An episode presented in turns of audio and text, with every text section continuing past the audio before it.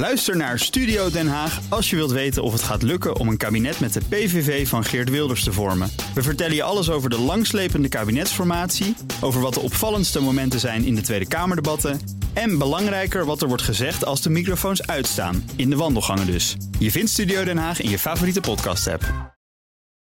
The Friday Move wordt mede mogelijk gemaakt door TUI. Discover your smile. BNR Nieuwsradio. The Friday Move. It's been announced that Prince Harry is to marry his girlfriend, the American actress Meghan Markle. Ik vind dat we in dit soort kwesties het hoofd koel moeten houden. Dat kan maar één ding betekenen, dat de stront aan de knikker is. Ik wil weten welke stront dat is. Wilfred Gené. Het is de week dat de ex-piloot Julio Poch na acht jaar wordt vrijgesproken. De Kamer even achter het stuur als misdrijf wil bestraffen. En de koers van de bitcoin een nieuw all-time high bereikt. Het is de Friday Move live vanuit de Skylands van de Doubletree bij Hilton Hotel in Amsterdam. En hij is weer beter, DJ Thomas Robson.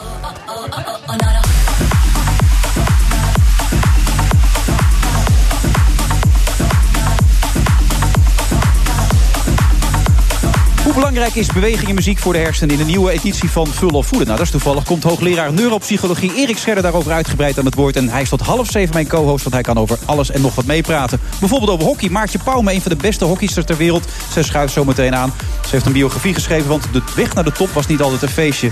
En wat voor geheime belastingvoordelen hebben nou precies de Oranjes? Of juist niet? Daarover praat ik met SP-Kamerlid Ronald van Raak.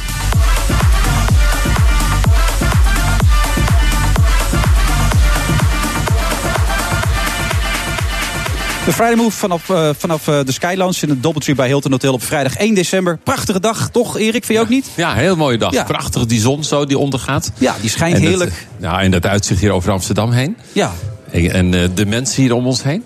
Eh, wat, wat willen we nog meer? Dit wordt echt een feestuitzending. we hebben gewoon alles wat ons hartje Alles begeert. zit gewoon heel erg mee. Ja, we hebben niets meer nodig. Toch gaan we er anderhalf, tweeënhalf uur over praten. Over datgene wat er allemaal gebeurt op dit moment in de wereld. Eh, toen je hier, dat is niet eens zo lang geleden, eh, ook de gast was. Dat was toen in het Amstel. Nee, of was het in American? Wat was het in Amerika? Ja. Ja. ja. Toen, toen zeiden we tegen elkaar, er groeit iets. Misschien moeten we er iets uit voort laten komen. Er- Er is ook gelijk iets uit voortgekomen. Ja. Daarvoor zijn we hier ook een klein Ja. beetje. Wat is er in jouw ogen uit voortgekomen? Nou, er is een heel mooi boek verschenen. Eh, vooral door jouw echtgenoot eh, Ja. geweldig geïnitieerd. Het is heel insidieus wat ik nu doe, maar we houden het ook kort. Ja? Ja, nou ja, het is echt heel. heel nou ja, niet om het een of ander, maar dat is zeker zo. Lily heeft er gewoon een gigantische rol in gespeeld. Heeft heel veel mensen bij elkaar gebracht die daar een onderdeel van hebben gemaakt, van geschreven hebben. Het is een boek gaat over gezondheid, maar in alle aspecten. Ja. En eh, ja, ik weet in ieder geval voor mijn deel en voor de deels van mijn collega's het supergoed wetenschappelijk onderbouwd. Dus eh, ja, het is echt gewoon een, eh, een heel mooi oeuvre geworden. Ja, het is de nieuwe editie van Vullen of Voeden. Belangrijk in je hoofdstuk zeg je op een gegeven moment ook, ik zit het te lezen. Game is helemaal niet zo slecht voor kinderen. Ik vond het Nee. best opmerkelijk om dat te lezen. Ja, leuk Hoe kan dat dan? Nou, ik vind dat je ook eh, echt, echt oog moet hebben voor... Het, eh, kijk, de algemene opinie is dat gamen, dus kinderen zitten thuis... en dat is ook terecht negatief. Maar de positieve kant is dat die kinderen naar een scherm kijken. Die zijn er echt ruimtelijk bezig, want die kijken op dat scherm. En die ruimtelijke functies... Als je kijkt in het brein welke gebieden daarbij betrokken zijn... Ja, dat zijn diezelfde netwerken die ook een rol spelen bij rekenen, bij taal. Dus in die zin is het best ook wel... Het zit er echt duidelijk een positieve kant aan. Dus en uit de ouders die nu in de auto zitten te luisteren denken... hé, game, ik probeer het al zoveel mogelijk tegen te houden. Ja. Daarvan zeg je, nou, geef ze een beetje ruimte. Inderdaad, ik denk dus de nuance, de balans tussen gamen en ook buitenspelen. Want buitenspelen is heel goed onderzocht. En dat is gewoon enorm achteruit gegaan. Dat is heel jammer, want we hebben het in het boek ook eh, over verrijkte omgeving. En de enorme positieve effecten ervan. Ja. En dan Voor de buitenspelen mensen die niet weten wat een verrijkte omgeving is. Wat is een verrijkte Verrijkte omgeving? omgeving is een omgeving die uitdagend is, die nieuw is. Eh, waar je dingen moet overwinnen. Eh, ik zal maar zeggen ruzie maken, maar ook weer goed maken. Dat zijn natuurlijk aspecten die, die zijn essentieel als je opgroeit. ruzie maken, maar ook weer goed maken. Is dat een verrijkte omgeving? Nou ja, eigenlijk wel. Want je Ik moet werk je... met Johan Derksen, dat is toch wel heel leerzaam dit. Wat, wat- hoe, moet, hoe moet ik me dat voorstellen dan? Ja. Waarom is dat Ja, goed voor ons dan? Dat is wel een heel aparte verrijkte omgeving inderdaad. Ja. nee, maar goed, op zich is het natuurlijk qua cognitieve uitdaging... zo'n programma voor jullie samen wel ideaal, vind ik. Ja, maar dat is echt zo. Dus als je ruzie maakt, je gaat het nou weer goed maken. Dat is een soort verrijking, is dat? Ja, het is in ieder geval een inspanning. En dat is een onderdeel van die verrijkte omgeving. Zo Oh, moet oké, je eigenlijk ja. Je moet eigenlijk Ja. mensen, of kinderen, maar ook volwassenen... blijven uitdagen Juist. met datgene waar ze mee bezig zijn. Juist. Want in een onderzoek heb je ook wel eens verteld, volgens mij, of geschreven... dat gevangenen vaak in een niet verrijkte omgeving zitten... waardoor eigenlijk hun agressie en een andere aanleg alleen maar versterkt wordt. Ja, dat is heel juist, ja. ja hoe heet het? eh, eh, Jesse Meijers gaat er nu binnenkort op promoveren, het onderwerp. En die heeft echt hele mooie studies gedaan... wat er nou toch gebeurt met die gedetineerden in de gevangenis. Ja. En het leuke is dat Justitie Nederland wil ook echt mee. Hè? Die, die zien ook echt in, wat heel leuk is voor ons ook... dat de 100 jaar gevangeniswezen, dat je toch eens een klein beetje moet gaan kijken... kan dat niet anders? Waardoor de mensen die daar zitten ook een kans hebben, als ze eruit komen... om er ook beter uit te komen. Ja. En de maatschappij in te kunnen. En dat ze zich ook anders gaan gedragen doordat ze daarbij geholpen zijn. In plaats van dat je ze helemaal laat en zoek het maar uit. Dat er invulling komt tijdens detentie. eh, en dat je daarmee diezelfde zeg maar, neuronale netwerken activeert. die er ook voor zorgen dat je weer je impulsen kunt controleren. Dat je kunt remmen op je gedrag. Hè? Dat lukt daar moeilijk, want zitten ze er niet. Dat moet beter en kan misschien wel beter. Oké, dan even terug naar die kinderen. Want je zegt, gamen mag, maar je hebt het wel over een maximum. Ik neem dat er een limiet aan in zit, toch? Of... Ja, dan werk, dan werk ik weer geen studies die eh, precies aangeven hoe lang. Maar het is wel een studie die ik herinner. Is, eh, dat na één uur is er nog altijd plezier. Ja. Maar na één uur begint bijvoorbeeld toch ook de tegenkant ervan naar voren te komen. Kinderen worden dan wat somberder, geïrriteerder. Veel mensen herkennen dat ook wel. Dat na het eerste uur er een soort omslagpunt is. Dus ik zou zeggen, ja, een uurtje gamen, perfect. Ga daarna weer heerlijk buiten spelen. Ja. Ideaal. Maar dat geldt überhaupt voor schermtime. Ook televisie kijken na een uur voor kinderen is ook op een bepaald punt dat je op een soort vorm van depressiviteit uitkomt. Of is dat weer anders? Nou, laat ik zeggen, de depressiviteit bij televisie kijken ken ik als, als zodanig niet in studies terug. Maar televisie kijken is in het algemeen vrij negatief. Hè? Ja. Het is toch eenzijdig. Ja, tenzij je op, op vrijdag of maandagavond om half negen kijkt. Doe, maar, Er- ja. Er zijn programma's die Ja. dat telt dat absoluut niet voor. Nee. En er zijn ook wel mensen die zeggen dan eh, van ja, maar wat vind je van Discovery Channel? Eh, Los even van jullie eh, prachtige vrijdag en maandagavond. En dan zeg je nou, voor u geldt het natuurlijk niet. Als je de hele dag Discovery Channels kijkt, dan super verrijking. Ben je veel met kinderen bezig eigenlijk? Of ben je, ben je op iedereen gericht? Of, of... We hebben eigenlijk de- op onze afdeling de hele levensloop enorm eh, vertegenwoordigd. Ik heb een collega Oosterlaan die helemaal gespecialiseerd is in kinderen en kinderonderzoek. Maar wij doen bijvoorbeeld gezamenlijk, eh, kijken we eh, in Amsterdam met de gemeente wat bijvoorbeeld het fietsen in de klas. Fietsjes in de klas nu.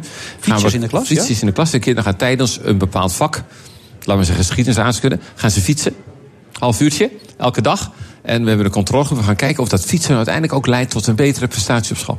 En dan kom je ook weer bij beweging uit, want daar gaat het dus uiteindelijk om. Ja. Beweging en de hersenen, hoeveel gaan die dan samen? Want dat, dat ziet niet iedereen altijd. Als je nee, dat, dat, dat klopt. En eh, het aardige is juist dat die systemen, de gebieden, de hersengebieden en de verbindingen... die bij eh, dingen als geheugen of leren eh, betrokken zijn... die zijn hetzelfde betrokken als je gaat bewegen. Dus het is echt heel verstandig om die twee te combineren met elkaar. Maar er was lange tijd discussie over. Als jij dat zei, dan heb je hem weer met zijn beweging Ja. enzovoort, toch? Dat is inmiddels omgedraaid, toch? Ja, ik denk dat er een aantal mensen zeggen, heb je hem weer? Ja. Maar dan denk ik bij mezelf, prima. Net zo lang tot het gewoon geland is. En dat er ook echt wat verandert. Dat zou natuurlijk schitterend zijn. En je moet bescheiden zijn over de spin-off eh, van ons werk. Dus eh, ik laat geen gelegenheid voorbij gaan. Nee, dan maar, dan zo- maar, ja, dan maar mopperen ze maar gewoon. Ja, van de week zat je weer bij De Wereld Draait Door. Het, het, het heeft je carrière wel veranderd, hè? De Wereld Draait Door. Dat mag je toch Ja, stellen? echt waar. Ja, echt waar.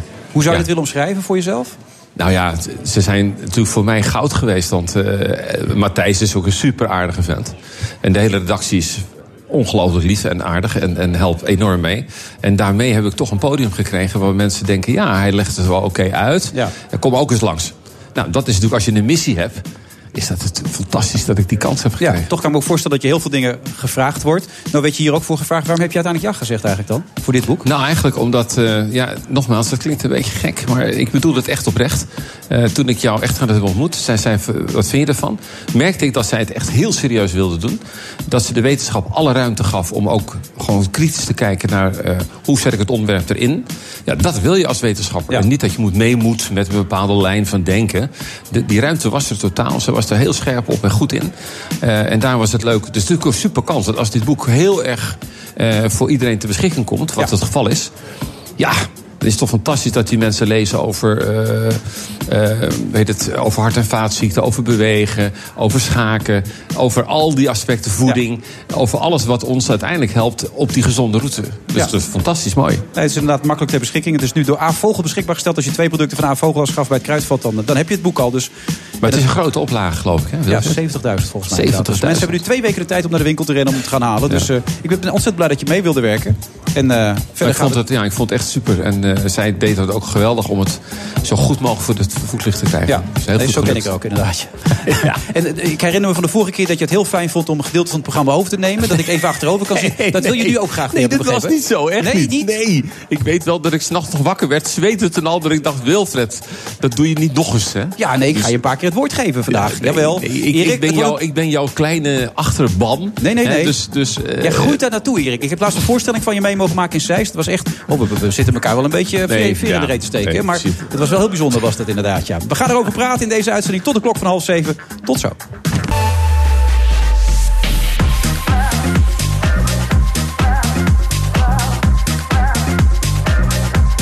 Luistert naar de Friday Move van vrijdag 1 december. Een hele bijzondere dag. De zon gaat een klein beetje onder. En het is ook bijzonder dat Erik Scherder naast mij staat. En ik moet er ook zeggen van... Ik word er een beetje zenuwachtig van, Erik. Want normaal gesproken zit ik altijd. Maar ik begin me een beetje schuldig te voelen dat jij staat namelijk.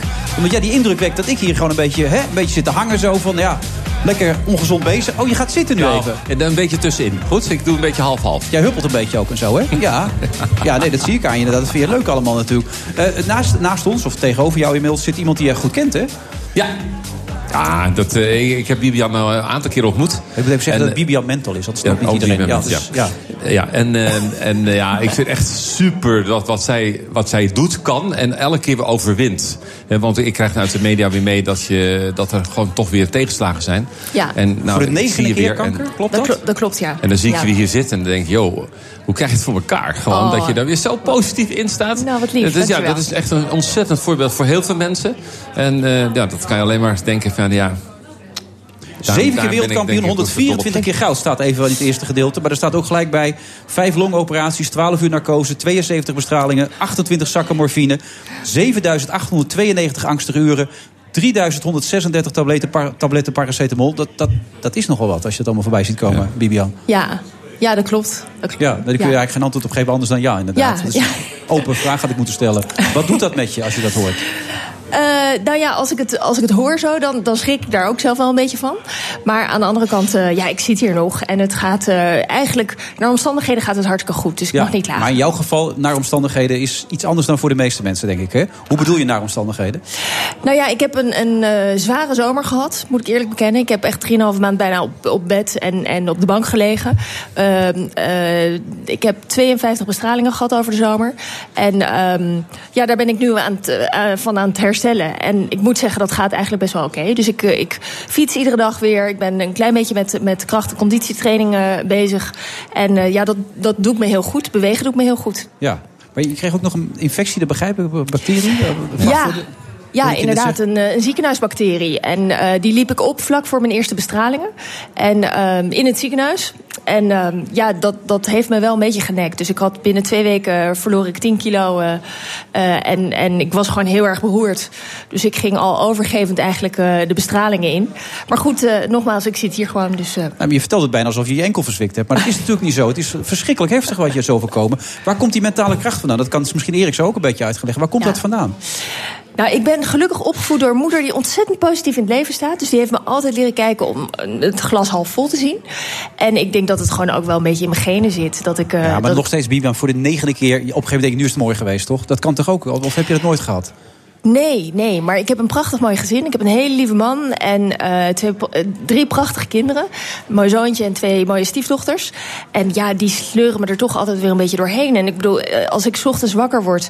Als de wekker gaat bij ons, dan klop ik op de muur... en mijn zoontje ligt aan de andere kant van de muur te slapen in zijn, in zijn kamer. En ondanks het feit dat hij al 14 is... komt hij nog iedere ochtend heel eventjes, vlak voordat hij gaat douchen... nog heel even bij me liggen. En ja, daar word ik gewoon blij van. Ja, dat, maar dat zijn, dat, dat zijn natuurlijk ook gewoon de interne krachten. Ik denk zeker ook wel dat er erfelijke factoren een rol spelen. Dat je van je moeder dat ook wel Ja. hebt overgenomen. En, en, en, en de omstandigheden, de omgeving speelt natuurlijk ook een grote rol. Net wat je zegt, dat is natuurlijk een geweldige beloning. We hebben elkaar vaker gezien dat je als, als motivator ook optrad. Hè? Nou, Gewoon om mensen te laten zien van, ja... eh, je hebt tegenslag op tegenslag. Terwijl je precies het tegenovergestelde eigenlijk kan doen. Als, omdat je eh, goud wint op de, op de grootste wedstrijden. Ja. En, eh, dus dat, dat is ook een interne kracht die jij ook gewoon inderdaad heft. Ja. En waar je een groot voorbeeld van bent voor andere mensen. Want ik, in die zalen waar jij sprak, daar zat ik dan als toehoorder ook. Hè? En dan merk je, als je dat vertelt, dan gaat er een zittering door die zaal heen. Iedereen denkt ja. Waar maak ik me eigenlijk nog druk over? En, en, en dat, is, dat vind ik de boodschap. En ik denk dat het voor jou ook wel een enorme drive zal zijn. Dat je denkt, nou, dat is natuurlijk ook een fantastische functie. Ja, ja, Ik ja. weet hoe jij dat ervaart als je voor zo'n zaal staat. Maar, Nee, eh, absoluut. Ik, eh, het geeft me heel veel energie ook. En eh, ik krijg vaak terug inderdaad dat, dat mensen zoiets hebben van... Nou, ik durf niet meer te klagen bij jou, met jou in de buurt. En tuurlijk, alles is relatief. Dus tuurlijk mogen mensen klagen. Want wat voor mij zwaar is, is voor een ander ja, ja ook zwaar. Maar ehm, ja, ik, ik vind het mooi dat ik dat mag doen. En eh, heel erg leuk. En ik krijg er, wat ik zeg, ik krijg er ook heel veel positieve eh, energie van. Ja, je doet het trouwens ook steengoed, hè? Iedereen Ja. die hangt, kijkt naar je en die bewondert je. En eh, is het nou zo als je nou in zo'n ziekteperiode zit... dat je ook zelf toch denkt, wacht even, hè, dit, dit ga ik gewoon overwinnen weer... en ik ga toch weer door straks met, met je grote sport? Denk je dat er tussendoor? Of hoe, hoe, ja, als je het te privé vindt, moet je het Nee, absoluut nee, nee. zeggen. Nee, ben daar gaat het heel boek ook open. over. Ja, het boek heet, weet je hoe het boek heet? Kutkanker. Door jou laat ik mijn leven niet verpesten. Nou, Oké. dan zegt ze gewoon alles hoor. Nee, dat klopt. Ik ben daar heel open in. Ehm, eh, sorry, dat was de vraag. Nou, de vraag was meer, als je in zo'n periode komt... dat het Ja. slecht nieuws is. Of je dan toch denkt, nou, wacht maar... dat is gewoon wel de zoveelste keer, maar ik ga, weer door. Ik ga er gewoon voor. Ja. Denk je dat ook in zo'n periode?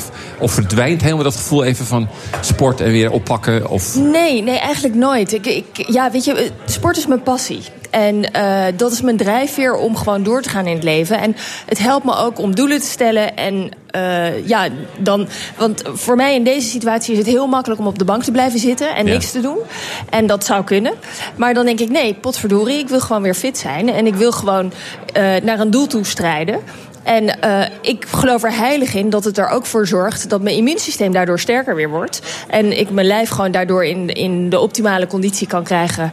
ehm, om, om ook weer het gevecht aan te gaan. Ja, hoeveel moeite kost het je om zeg maar, weer de draad op te pakken? Want je bent moe Ja. en je voelt je natuurlijk ook... Nou, je hebt ook nog die bacterie gehad, dus je voelt je hartstikke ziek. Ja, soms kost het even moeite. En eh, dan wil het ook wel eens zo zijn dat mijn man gewoon zegt van... nou, kom op schat, hup, eh, al is het vijf minuten heel even op die Maar het gebeurt wel. Ik, Ja, ik zat even af te vragen niet Ik we ben- met Superwoman zaten. maar Nee, je- het joh, gebeurt gelukkig wel. Ik ben gewoon een mens hoor. Ja. Nee, maar je hebt wel van die momenten dat je echt tuurlijk. Ik weet het even niet meer. Nee, absoluut. En dan heb ik gewoon een hele sterke schouder naast me. Die me gewoon troost. En vaak huilen we dan samen even. En dan janken we gewoon even een potje bij elkaar. Ja. En dan sluiten we vaak ook wel weer af met een lach. Van nou ja, oké, weet je, dat is even nu. En we gaan er gewoon weer voor. En we zetten de schouders onder. En, en dat is heel fijn dat, je, dat ik inderdaad dat heerlijke gezin eh, om me heen heb. eh, die, die dan die, eh, ja, eventjes me een zetje geven. Maar je bent zeven keer wereldkampioen geweest. Maar ben je ook wereldkampioen in het krijgen van kanker dan? Want het is negen voor de negende keer. Is dat zo? Is dat, is- komt dat vaak voor bij mensen? Zo vaak terugkomen of niet? Eh, nou ja, je hoort natuurlijk wel mensen die. Ik vind het zo die- extreem, dat het- verhaal. ja, dat, het, dat je vaker uitzeigingen krijgt. Ja. Eh, bij mij heeft er. ehm, nou, tot een, een paar keer geleden eh, zat er wat langere periode tussen, gelukkig. Ehm, ik zou mezelf geen wereldkampioen Nee, maar van het krijgen van komt dat, zo kanker vaak, noemen. komt dat zo vaak? Nee, ik bedoel het ook niet als eretitel, maar meer negende keer. Ik kan me er voorstellen dat dat niet zo vaak voorkomt. Ik ben niet zo thuis in die ziekte om te weten hoe vaak dat dan terugkeert. Maar voor negende keer lijkt me wel heel extreem, of niet? Ja, ja, het is wel een hoop. Ja, Ja. maar ik kan me voorstellen dat de arts daar ook iets over zegt. Zegt van ja, dit maken we eigenlijk nooit mee, wat jij meemaakt.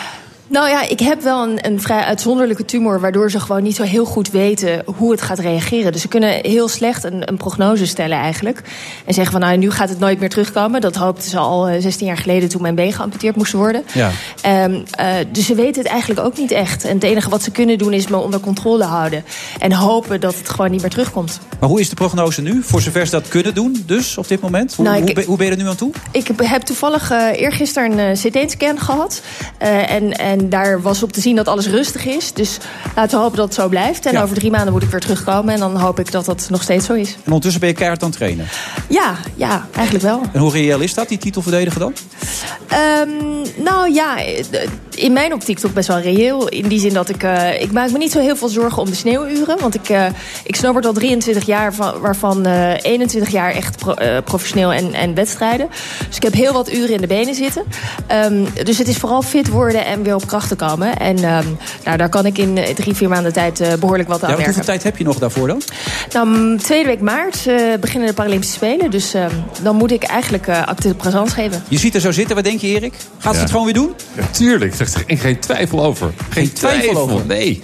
Wat ik nog wilde vragen aan je, ik heb het boek niet gelezen, hè? maar wat, wat is de, de boodschap uit het boek? Is dat de boodschap inderdaad naar andere mensen die ook dit soort, door deze droefheid heen moeten? Uh, kan je er iets over zeggen? Ja, ik heb um, dit boek eigenlijk ge uh, geschreven om hopelijk mensen een beetje een steuntje in de rug te kunnen geven. Het is mijn manier hoe ik met, met uh, kanker omga. En wat mij heel erg heeft geholpen om door die rotperiode heen te komen. En als ik daarmee andere mensen kan inspireren... en een klein beetje een steuntje in de rug kan geven, dan heel graag. Ik heb ooit eens een keer een, um, een interview gegeven... toen net mijn been geamputeerd werd. En toen dacht ik, ik geef één keer een interview en daarna nooit meer. En dan weet iedereen wat er gebeurd is en dan hoef ik niet duizend keer te vertellen. En toen kwam er een keer uh, kwam Floor van der Wal, uh, uh, een cabaretière met CP, naar me toe. Destijds nog geen cabaretière, maar zij vertelde me wel van... Piep, dank je wel voor het schrijven van dat interview. Of voor het geven van het interview. En ik had een beetje iets van, ja, hoezo? Ze zegt, nou, daardoor heb ik de kracht gevonden... om gewoon mijn dromen achterna te gaan en ervoor te gaan. En dat te doen wat ik leuk vind. En toen bedacht ik me, ja, het is voor mij heel makkelijk om een verhaal te vertellen. En dat kost me helemaal geen moeite. En als ik daar maar één iemand meer mee kan helpen, dan doe ik dat heel graag. Dus vandaar. Wacht, dames en heren, maak een applaus. Bibian Mentel, hier. En die is er gewoon weer bij. Succes, Bibian. Dankjewel. Ook met je boek, maar zeker ook met alles wat je nog doet. En wij gaan zo weer door, Erik. Hou je toch een beetje vol zo ik staan? Of niet? Ja, zeker. lekker. Ik voel me zo fit als wat. Gaat ja, ik zie het ook aan en je Zeker als ik naar Bibian Ja. kijk. Dan voel ik me nog fitter. Ik bedoel, het is een en al fitheid die naar je toestraalt. hè? Ja, ik kan jou niet tegenhouden, zie ik wel. Tot zo, na de reclame. BNR Nieuwsradio.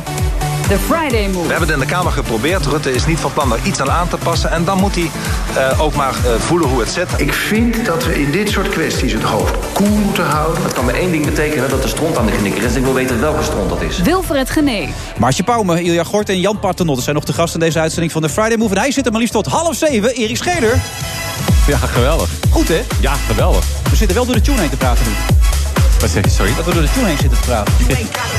Jammer is dat, hè? Friday Move live vanuit de Sky Lounge van de Doubletree bij Hilton Hotel.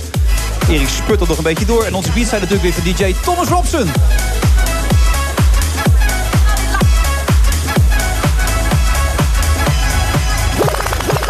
Hij was vorige week een beetje zwak ziek misselijk, onze DJ. Maar hij is er weer helemaal bij. Lekker nieuw tuentje en zo. Een beetje mix hier en daar. Lekker. Vrijdag 1 december. Je kunt reageren via social media. At BNR Friday Move. At Wilfred Gené. Ik ga het je niet eens meer vragen. Je hebt geen... Uh, je hebt niks, hè? Nee. Social media doe je niet Nee. aan. Je hebt Nou. een fiets, toch? Of niet? Ik heb een... Hè? Je hebt een fiets. Ik heb een fiets. Je hebt een fiets. Hartstikke goed, inderdaad. Hey, jij, jij was ooit toptennisser, hè? Echt een hele goeie. Jawel. Nee. Jawel. Nee. Je hebt les Dat gaan we toch niet zeggen waar een topsporter bij zit? Nee, maar ja, jij gaf gewoon les. Schamen aan de dit. dames, aan de, aan, aan de huisvrouwen gaf jij les. ja, precies. Ja. En die huisvrouw, er waren er zelfs nog bij die met mij een kopje koffie wilden drinken, Ja, weet je nog? kopje maar koffieglazen het was waren er. niet de mooiste, maar het was nou helemaal niet anders. En ze waren ook allemaal boven de 80, maar uiteindelijk was het toch wel leuk dat mensen het nog wilden. Maar, Maar die, die eh, hadden een oogje op jou dan, hè? Had je toen die, had je toen die baard ook al en zo, of toch nog niet? Ja, toen ook al, ja? Ja. Ja, Dus die hielden wel van het ruige heel type. afstotend eigenlijk. Ik denk, hoe kan ik me nee, nee, voorstellen? maar ik, nee, ja, ik vraag me altijd... Je vrouw is er ook blij mee met die baard, toch? ik zal het vragen thuis vanavond. Nou ja. Ik ga het vragen. Ik vraag het eigenlijk nooit meer echt. Maar nu jij het zo zegt, denk ik, is een goed punt. Oké. Nou. Topsport heb je ook veel mee. Johan. Cruijff heb je ook meegewerkt. Ja, dus ja. je weet wat het is om met topsporters te werken. Eh, als, je zegt, als ik zeg Maartje Pauwme, wat, waar denk je dan gelijk aan? Tophockeyer. Top. goed. Ja. Ja, mensen die echt er helemaal van gaan. En waar je gewoon eh, heel erg van geniet als je kijkt. En eh, waar je de rillingen van krijgt als ze gewoon de prijzen binnenhalen. We hebben gezien hoeveel prijzen Maartje ja, heeft wij hebben even je prijzen bekeken, Maartje. Je moest een paar bladzijden omslaan, hè? Oh, dat zijn gewoon pagina's vol, hè? Ja. Ja, Pagina's dat klopt. vol. Ja. En je, je kunt je voorstellen, als, als je televisie kijkt, wij als gewone Nederlanders, en je ziet jullie die prestaties leveren, en, en, en, en dan komt dat moment dat het ook lukt, dat wij thuis natuurlijk, ja, kun je je voorstellen, wij hebben spiegelzenuwcellen, dus wij spiegelen. En we voelen, we helemaal proberen mee te voelen wat jullie dan doormaken. en je moet het eigenlijk Ja. zelf beschrijven. Ik vind het heel leuk. Je Als je iets over zegt, over zo'n moment dat je helemaal in die piek zit van euforie. Kun je er iets over zeggen? Eh, ja, dat, eh, dat is natuurlijk super mooi. we krijgen ook eigenlijk niet echt vaak mee zeg maar, hoe Nederland meeleeft en, en hoe dat beleefd wordt. Zeg maar. Dus dat is altijd wel heel erg mooi om dat achteraf te zien. Maar om, ja, om zelf die prijzen te winnen en iedere keer zo bezig te zijn om naar een toernooi toe te leven. En het lukt uiteindelijk. Dat is natuurlijk super mooi, super gaaf. En ja, ik ben blij dat ik dat heel lang zo heb mogen doen. Maar ver- verandert het ooit? Zeg je bij de zesde prijs is de euforie toch iets lager dan bij de eerste? Of zeg je, oh nee, want de kans dat je weer wint is zoveel minder misschien. Het is alles maar meer. Kan dat? Is dat zo? Nee, ja, het, wordt eigenlijk alleen maar mooier. En ze zeggen ook vaak, weet je wel, de eerste keer dat je iets wint, dat, dat is één keer. En de herhaling is veel moeilijker. Dus Ja. ja. als je zo lang zeg maar, aan de top kan spelen en, en kan blijven. Dus ja, in die twaalf jaar dat ik gespeeld heb, eh, ja, hebben we ontzettend veel gewonnen. En misschien wel de laatste prijs waren misschien wel de mooiste. Precies, ja. Nou heet het boek Maartje altijd tot het uiterste. Dat heb je dus altijd gedaan. Dat doe je nog steeds volgens mij, toch? Ja, nog steeds wel, ja. Waar, waarom Ja. speel je eigenlijk in België? Waarom is dat? Ehm, ja, in Nederland eh, wil ik eigenlijk voor geen enkele andere club spelen dan Den Bosch. Nee. En ja, dat betekende dat ik nog steeds vijf keer in de week op het veld moest trainen. En daarnaast nog één, twee keer krachttraining moest doen. Dus dan trainde ik nog steeds zes, zeven keer per week. En ja, ik wilde ook wel echt wel iets anders gaan doen. En ja, ook een beetje een maatschappelijke carrière gaan opbouwen. En daar iets meer tijd voor krijgen. Dus eh, Maar ja, bij Royal Antwerp mag je er gewoon een beetje wat bij doen. Dat, is dit meer een bijzaak? Dat ja, ik train daar drie dagen in de week. En op zondag speel ik. Dus ik, zit daar eh, ja, drie à vier dagen in de week in Antwerpen. En dat betekent dat ik eigenlijk eh, twee dagen in de week tijd heb voor andere dingen. ook. En wat, wat zijn die andere dingen dan? Nou ja, afgelopen jaar was ik heel veel tijd kwijt met mijn biografie. Ja. Ja, ja, daarnaast geef ik lezingen, presentaties voor bedrijven. Geef ik clinics, geef ik training. Ehm, maar ja, ik heb al een paar keer verteld dat ik heel graag mijn eigen koffietent wil starten. Je En- eigen koffietent? Ja. Wist je dat? Nee, dat nee, wist ik ook nieuw. niet. Ja, heb ik nu al heb ik de laatste eh, ja, tien jaar droomde ik eigenlijk ervan. En ik heb zoiets van, nu wil ik echt Daar zit je, je zit nu ook weer met een kopje koffie. Ja, daarom. Hoe, hoe Ja. is de koffie hier? Ik heb nog geen slok genomen, dus ik, eh, even ik ga het zo testen? doen. Ik ga even testen. Neem even een slokje. Even, even kijken of de koffie goed is hier. Want anders zou je hier ook nog even wat tips kunnen geven natuurlijk, voor de mensen van de Sky Lounge. En? Ja, het is goed. Hij is oké? Ja, hij is oké. Koffie Ja. oké, jongens. Bedankt. Ja, nee, hartstikke lekker. Maar waar- waarom die droom dan? Waar, waar, komt dat Ja, dat vandaan? heb, ik al, dat heb ik al heel lang. En ik, eh, ten eerste, ik hou heel erg van koffie. Eh, ten tweede, ik hou van mensen en, en ja, het, het sociale leven, zeg maar. Dus die combinatie leek mij echt perfect om dat te gaan doen. Oké, wat weerhoudt je nu nog dan? Ja, ik, ik, ik krijg nu wat meer tijd om uit te zoeken om, eh, ja, hoe ik het op, op ga zetten, hoe ik het wil doen, of ik het met iemand samen wil doen, waar. Dus ja, Het gaat je sowieso lukken. Want Erik was dus toptennisser. Die gaf allemaal les aan die huisvrouwen. Ik was geen En toen was toptennisser. hij fysiotherapeut. ik ben nu wel heel benieuwd hoor. En opeens ging hij gewoon de neurochirurgie... Ja, ging opeens allerlei andere dingen doen. Maar gewoon omdat je erin moet geloven, Erik. Want dat is de, dat is de, de, de Ja, crux, nee, toch? maar dat, ik vind het wel, wel fascinerend, hè, want je zit helemaal aan de top. En toch komt er een moment dat je denkt... dat trainen vijf keer per week... Hè, dan, we hadden het net over die prijzen die je al hebt gewonnen. Dan denk ik, nou ja, je- de volgende is natuurlijk ook weer heel mooi. Ja. Weegt het dan toch niet meer tegen elkaar op? Nee, op een gegeven moment niet meer. En, eh, Kan je zeker, iets uitleggen zeg maar, als, dat, als het te veel gevraagd wordt, niet doen, hè? Maar, Nee, maar daarvoor nee, zijn maar die mensen hier, Erik. Je Oh, bent heel bescheiden de hele tijd. Ja. maar Ze komen juist om te Nee, vertellen. maar het hè? is zeker, zeg maar, als je en club en als team hebt, zeg maar, dan train je 9 à 10 keer per week. Dus dan train je twee keer per dag. Eh, ja, dat is op een gegeven moment wel echt dat je daar gewoon minder zin in hebt. En ik heb drie Olympische Spelers gespeeld, drie, drie WK's, EK's. Ik heb ontzettend veel gespeeld, veel gewonnen, veel gegeven. En nu vind ik het gewoon ben je dan ook tijd gewoon om... moe op een gegeven moment? Moe, niet alleen fysiek, maar ook... Want Ja, het vraagt wel. natuurlijk ook wel een heel veel mentale inspanning. Hè? Je opheffen, je, je focussen weer, denken van... eh, Dat lijkt me, hè? Dat, Ja, ja, op een gegeven moment is dat zeg maar niet meer nummer één. En wil je ook andere dingen gaan doen. En wil je andere dingen in het leven gaan ontdekken ook. Ja. En ja, ik heb zo lang in die hockeywereld rondgerend. En ja, op een gegeven moment voel je gewoon van... het is mooi geweest en ik kan niet meer iedere dag eh ja, 24-7 voor hockey leven. En dat... Ja, op een gegeven moment voel je dat gewoon aankomen. Ja. Ja, en dan voel je gewoon dat het tijd wordt voor, voor andere dingen, nieuwe stappen. En eh, ja, nieuwe dingen ontdekken ook. Leuk. En, en, en is het zo dat je ook gelukkig bent met je beslissing? Want je hebt het inmiddels afgebouwd een beetje. Ja, ze speelt Ja. Oranje bijvoorbeeld. Nee, nee ik heb echt ik heb, eh, geen moment spijt gehad van, eh, van mijn beslissingen. En ik ben eerst gestopt bij Oranje. Daarna nog een jaar bij Den Bosch doorgegaan. En eh, Ja. ja. nu speel ik voor Antwerpen. Ja. Maar dan toch Ja. zo'n boek. Waarom? Ja, dat, eh, eh, toen ik stopte eh, bij Oranje... toen kwamen er eigenlijk al meteen een aantal uitgeverijen... die vroegen of ik een biografie wilde schrijven. Ja. Ehm, best wel even over getwijfeld ook of ik dat wilde doen. Wat? Ehm, ja, ga ik mijn leven met iedereen delen? Ga Dat ik bedoel ik maar inderdaad. Daarom wil ik het ook graag weten. Dus, eh, Waarom wil je dat graag delen? Dat was echt wel... ja, Over je liefdesleven, over de relatie die vlak voor de Olympische Spelen misgaat, Ja. weet je wel. Dat je moest vertellen dat je over op vrouwen viel, dat lijkt me Ja. best... Ja, ja Pittig. maar ik had wel zoiets van... eh, als ik een biografie ga schrijven... ga ik daar ook gewoon echt alles in opschrijven... wat ik heb meegemaakt, hoe ik het beleefd heb.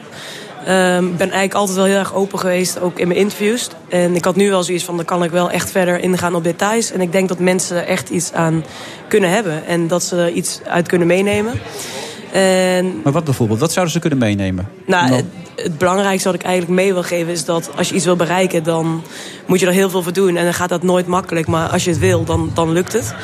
Eh, Oh, dus die koffietent gaat ook lukken. Dat weten we nu al zeker. ja, dat, eh, daar ga ik wel vanuit. Ja, Ja, nee, daar gaan we nu gewoon vanuit. Die koffietent is ik gered. denk dat nu al mensen mee zitten te luisteren. Die denken, we moeten bij Maartje ja, zijn. maar ook bijvoorbeeld over eh, mijn geaardheid, zeg maar. Ehm, ik heb daar ontzettend veel berichten gehad eh, van, van meisjes, van vrouwen... die er echt iets aan, aan hebben gehad dat ik daar zo open over ben geweest. En dat het heeft geholpen om, om het te vertellen en ervoor uit te komen. En ja, weet je, met dat soort dingen heb ik zoiets van... ja, mensen kunnen daar nog steeds wat van leren. En in Nederland wordt het best wel geaccepteerd. Maar ik denk dat het nog steeds veel, veel beter kan. Je hoort nog steeds veel verhalen dat je denkt ja, waarom moet dit nog in deze tijd? Ja, wel goed dat je zegt, nationaal wordt het goed geaccepteerd. Heb je internationaal daar wel reacties op gekregen ook? Dat het moeilijker lag of zo? Of heb je dat niet gemerkt toen met Oranje? Nou, ik ben natuurlijk eh, heel de wereld over gereisd. En je merkt wel dat in bepaalde landen dat dat eh, veel minder geaccepteerd is. En, en dat mensen daar veel minder voor uitkomen dan, dan dat het in Nederland is. En, Ja. ehm, Maar zelfs in Nederland zeg jij, kan het nog beter? Is het ja, nog ik steeds vind niet... nog steeds dat je genoeg verhalen hoort eh, dat er iemand in elkaar geslagen is. Of dat er mensen moeten verhuizen omdat ze ergens worden weggepest. Ja, ik vind dat gewoon echt eh, ja, best wel bizar zeg maar, in deze tijd. En ik ben blij dat ik nog nooit zeg maar, in al die jaren iets heb meegemaakt wat, wat vervelend was of negatief was. Maar ja, ik vind dat het nog steeds beter kan. Ja. Ja, altijd tot het uiterste betekent ook dat je altijd alles geeft. Heeft je dat ook altijd even leuk gemaakt naar de omgeving? Of kon je ook wel eens heel erg veel eisend zijn... waardoor de omgeving dacht, hou nou eens even lekker op. Ja, ik denk zeker dat ik af en toe niet, eh niet de allerleukste was. En eh, ik denk ook wel als je topsport doet... dat je af en toe gewoon heel ja, asociaal moet zijn... en bepaalde keuzes moet maken om, om prestaties te kunnen leveren. En ik heb nu wel zoiets van... ja, ik kan nu wel die mensen in mijn omgeving wel meer tijd geven... en meer teruggeven, zeg maar, dan wordt dat iets ze mij al die jaren hebben gegeven. Ja, Ja? Ja, ik, denk ik, het wel. Ik, ik, ik weet niet hoe je geloof je in die persoonlijkheidstest en structuren met kleuren, geel, groen, rood en blauw, dat soort dingen? Of Ja, geloof het jij er niet zozeer Nou ja, ik wil niemand tekort. Het is eigenlijk mijn expertisegebied niet. Dus nee, ik, maar moet goed, daar, ik moet ik las net dat blijven. maatje namelijk rood is en daarna geel. Ben ik toevallig ook. Maar dat zijn mensen die, die kunnen ook nog wel heel erg botsen. Die kunnen echt de waarheid tegen iedereen zeggen enzovoort. Dus dat Ja. kan ook nog wel eens een beetje tot vuurwerk leiden. Ja, je- het betekent gewoon eigenlijk dat je gewoon heel doelgericht bent... en alles aan de kant gooit zeg maar, om je doel te bereiken. En soms gaat dat dan op een iets minder leuke manier. En zeker in sport en zeker in het veld. Dus, Kun je daar ehm, nou een voorbeeld van geven? Want eh, ik begrijp dat het is een weg die naar de top, die met vallen en opstaan. en Die, maar je moet heel veel overwinnen. Ja. Wij denken aan thuis, denken wij dan, nou ja, je moet heel veel, je mag nooit wat uit en niet drinken en weet ik veel wat. Maar ik neem aan dat er nog wel een paar andere dingen zijn die in het boek staan misschien.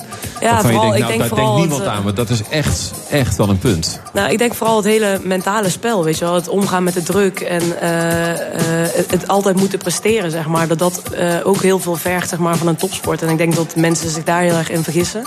En ik denk ook als je het boek leest, dat je dan heel duidelijk kan zien... dat dat een heel groot deel is van topsport.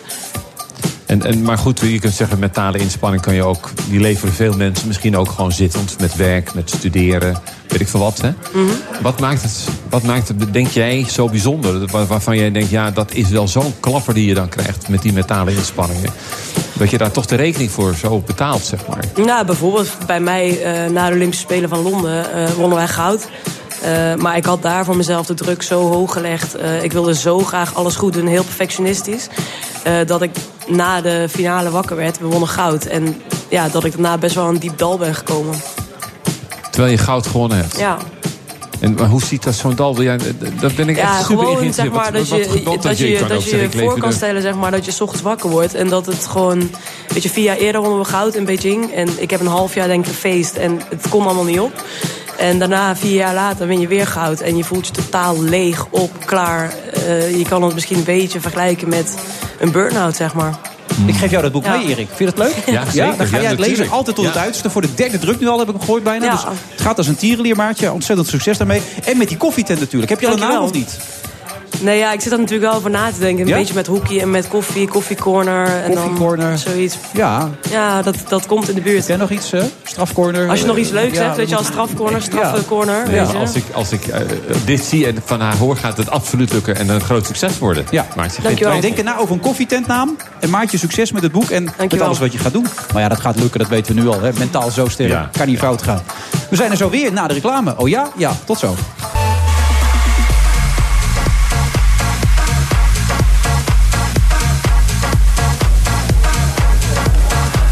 U luistert naar de Friday Move vrijdag 1 december. Het is echt een prachtige dag hier. Mensen vieren feest. Er staat een kerstboom.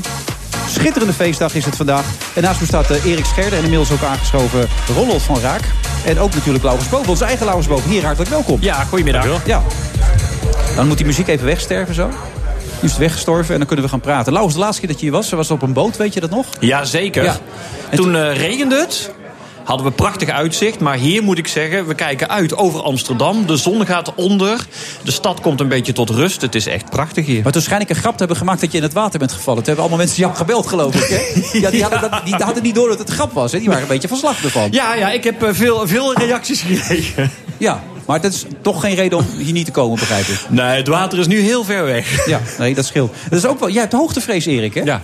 Maar dit is toch vrij hoog. Maar hier heb je geen last van. Totaal niet, want die ramen zitten gewoon goed gesloten. Het zou anders zijn als die ramen of deuren open waren. En dan is het Oh, anders. ze kunnen die- kunnen die Ze open? kunnen open. Ja, laat oh, eens- leuk. kijk eens of die open kan. Waarom Ja. is dat nou opeens weer een leuk idee? Waar- Ja, het is toch grappig om, te zien wat er die dan gebeurt. treiteren. Nou nee, ja, maar er staan van die camera's hier enzovoort. Uh, de, de, de, de koninklijke familie heeft geen belastingvoordeel. Dat weten we nu zeker, hè, toch?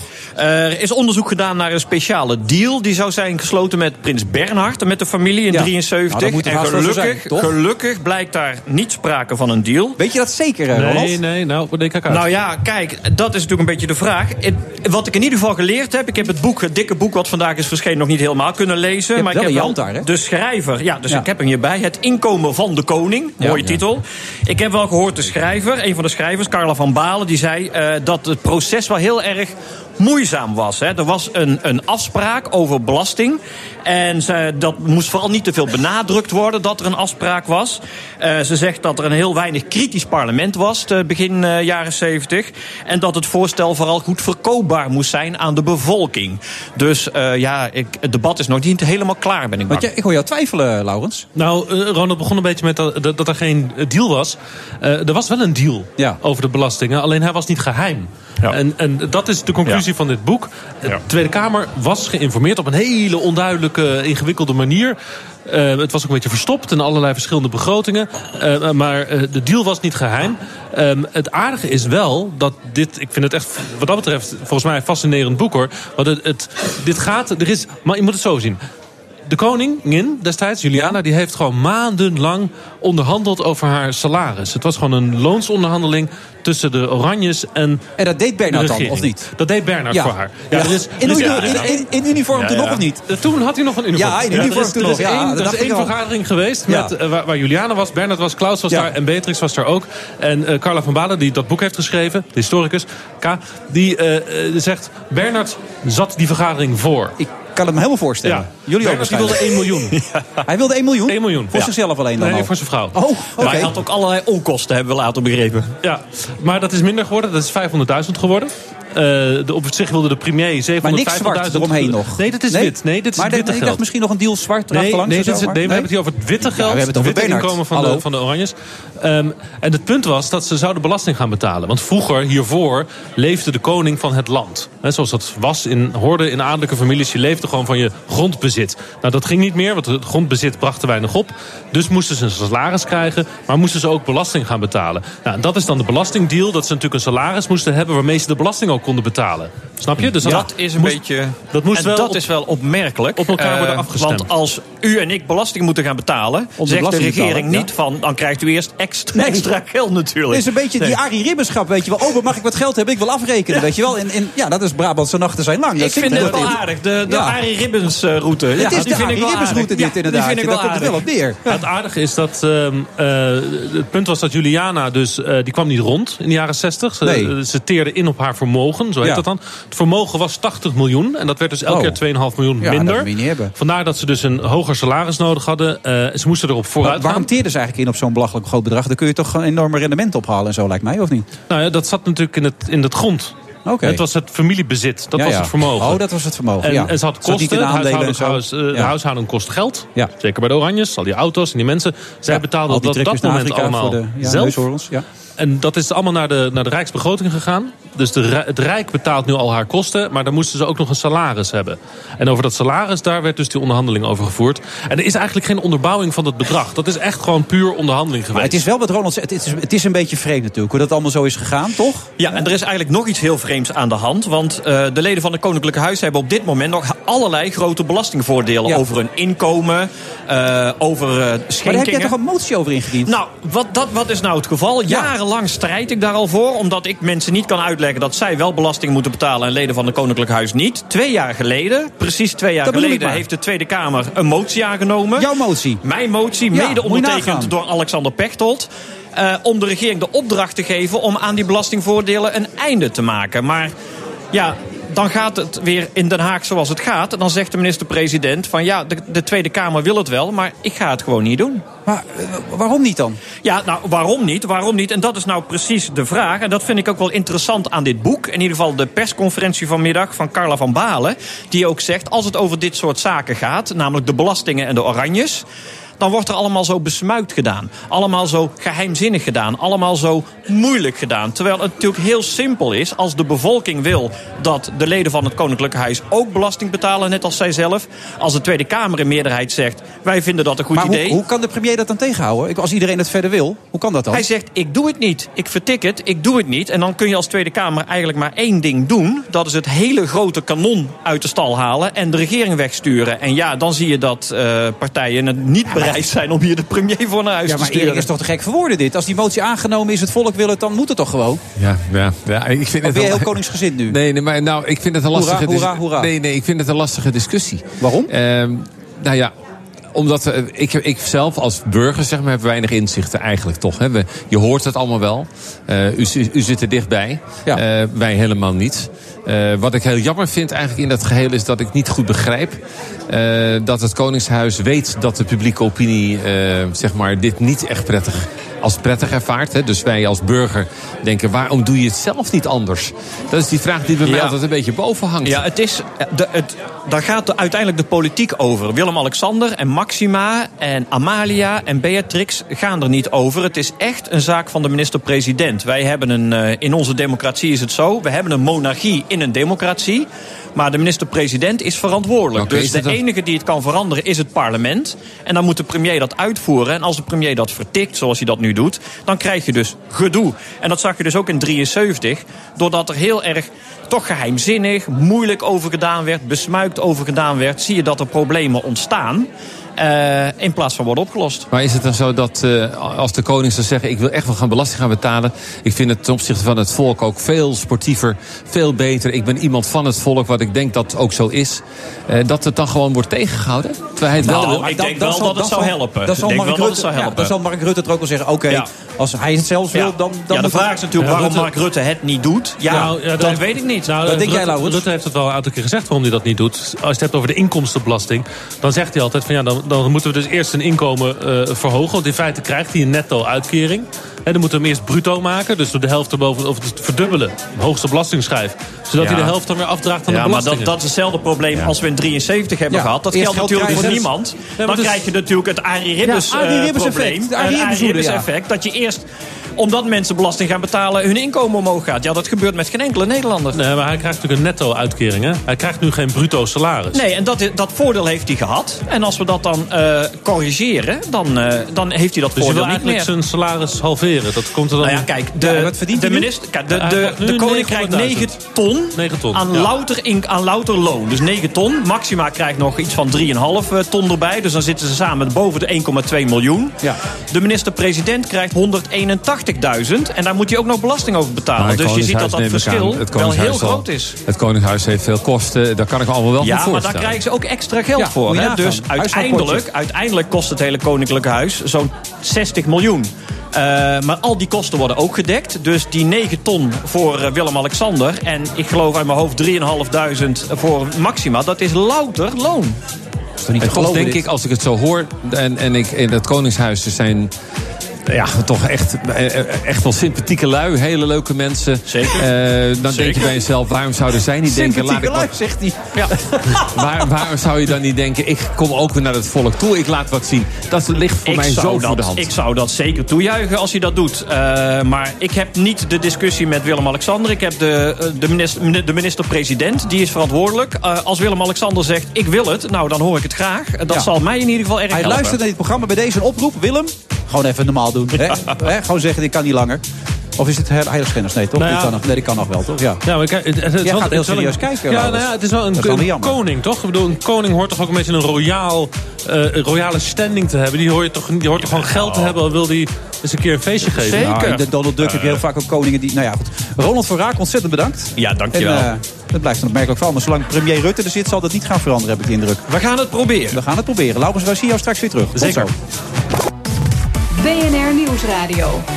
The Friday Move. It's been announced that Prince Harry is to marry his girlfriend, the American actress Meghan Markle. Ik vind dat we in dit soort kwesties het hoofd koel moeten houden. Het kan maar één ding betekenen dat er stront aan de knikker is. Ik wil weten welke stront dat is. Wilfred Genee. Vanuit de Skylands van het Doubletree bij Hilton Hotel in Amsterdam... met de beats van DJ Thomas Rob.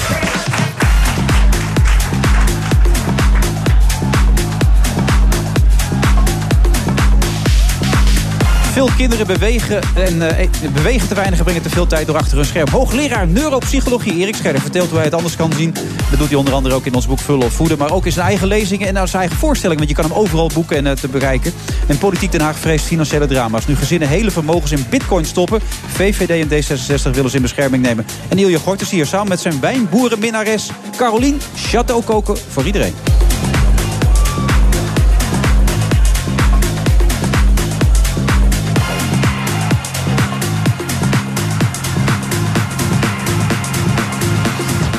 Dat allemaal op vrijdag 1 december. Prachtige dag hier in de Skylands van het Doubletree bij Hilton Hotel. En naast me nog steeds Erik Scherder. Erik, hoe moeilijk is het voor jou om ouder te worden? Eh, nou, eigenlijk niet zo. Nee? Nee, nee.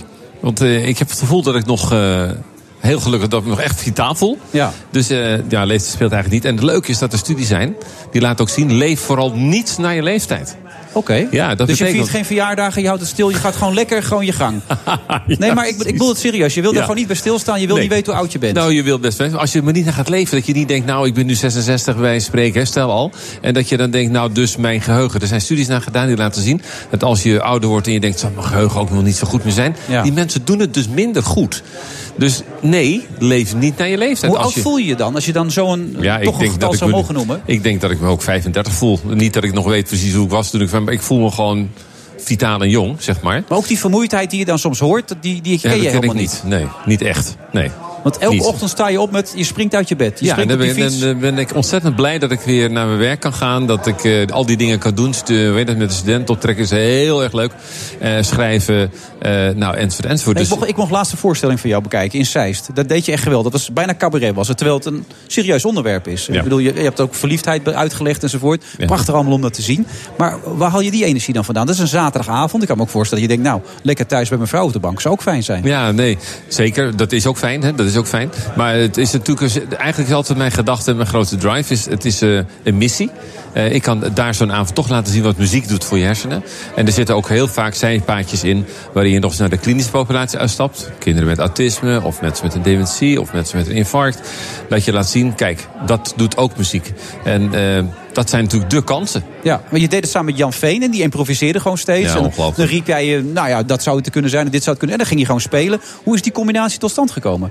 Eigenlijk ja, per toeval een beetje. Iemand heeft ons samengebracht. En gedacht, dat is misschien wel een hele leuke koppel. Ja. En eh, dat was een heel goed idee. Want dat was ook zo. En Jan is wel meesterlijk wat betreft het Ja, improviseren. Hè? Dus je kan hem alle wat hij toen deed met dat jongetje uit het publiek gewoon. Dat is die eigenlijk ongelooflijk. voor deed komen dat hij eigenlijk wel beter dan Jan kon spelen. En die nam het gewoon helemaal was- over. Maar Jan bleef heel rustig en die Ja. zei: Oh, nou, kom op maar. Hè. Je, het was echt wel, ja, dat kun je niet bedenken. En zo wat leuk was het. Maar dat zegt ook iets over zijn eh, flexibiliteit en, en, en zijn improvisatie. Maar ook bij jou. Want ik bedoel, ik heb het idee dat je wel een verhaal hebt, maar je speelt er ook nog steeds mee, toch? Of zie ik dat verkeerd? Nou, ik, ben, heel ik, strak? ben, ik zit vaster dan Jan, want ik heb mijn slides. En daar, weer toch dat, eh, daar kan ik niet makkelijk mee switchen.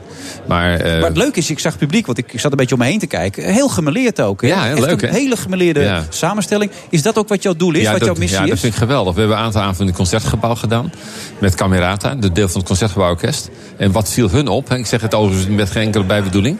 Maar dat er heel veel jonge mensen kwamen. Ja. die normaal het concertgebouw niet vinden.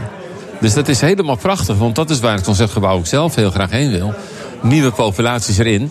En, en, en, eh, dus, ja, ja, maar tegelijkertijd de onderwerp. Je, je, je laat dan allerlei tekeningen en grafieken en, en, en de hersenstammen en dat soort dingen enzovoort zien. Je zou denken, de gewone man, en dat is aanhalingstekens, hè, want dan gaat het nu steeds over de politiek ook, de gewone man. Oh. Die, die is daar niet in geïnteresseerd. Maar alle soorten van de samenleving zit er. Echt leuk. Hoe kan dat? Nou, ik geloof dat echt eh, mede dankzij Dick Swaap en andere, maar ook Dickse boeken met eh, We zijn ons brein heeft een, iets in gang gezet dat mensen denken, ik denk dat ik het toch ga snappen met die hersenen. Ja. En dat is ook zo. Laat ik dat ook meteen. Mensen beginnen te snappen en, en snappen het.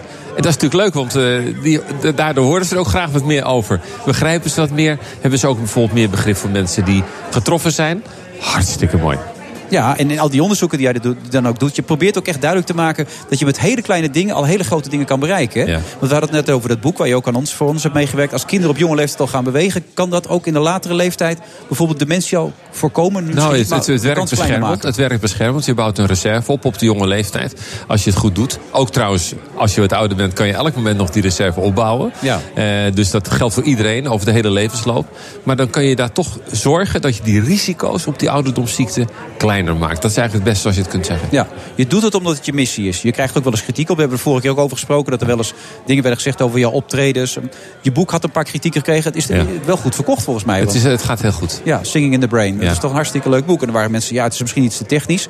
Dat, dat, dat trek jij je aan. Ja. Nog steeds? Dus of heb ik na die laatste uitzending jou een beetje kunnen overtuigen... dat dat absoluut Ja, onnodig is? Ik heb het nog heel vaak aan teruggedacht, Wilfred. Zeker. En, en als, ik, me- als ik me dan wel weer eens een keer wat ongelukkig voel... Niet op een of andere, maar dan denk ik toch nog wel even terug aan ons samen zijn toen. Ja, maar dat is leuk. je koopt er ook niks voor. Je Nee, doet het ja. omdat jij erachter staat. Omdat jij erin ligt aan- gelooft. Het ligt aan mijn persoonlijkheid vast en zeker. En eh, het is toch blijft lastig om er los van te komen. Maar nogmaals, eh, de afgelopen maanden is het goed gegaan. Dat- Dan had ik nog een vraag aan jou over mezelf. Dan, ik kan heel slecht huilen. Wat heeft dat met mijn hersenen te maken? Of heeft dat niets met mijn hersenen te maken?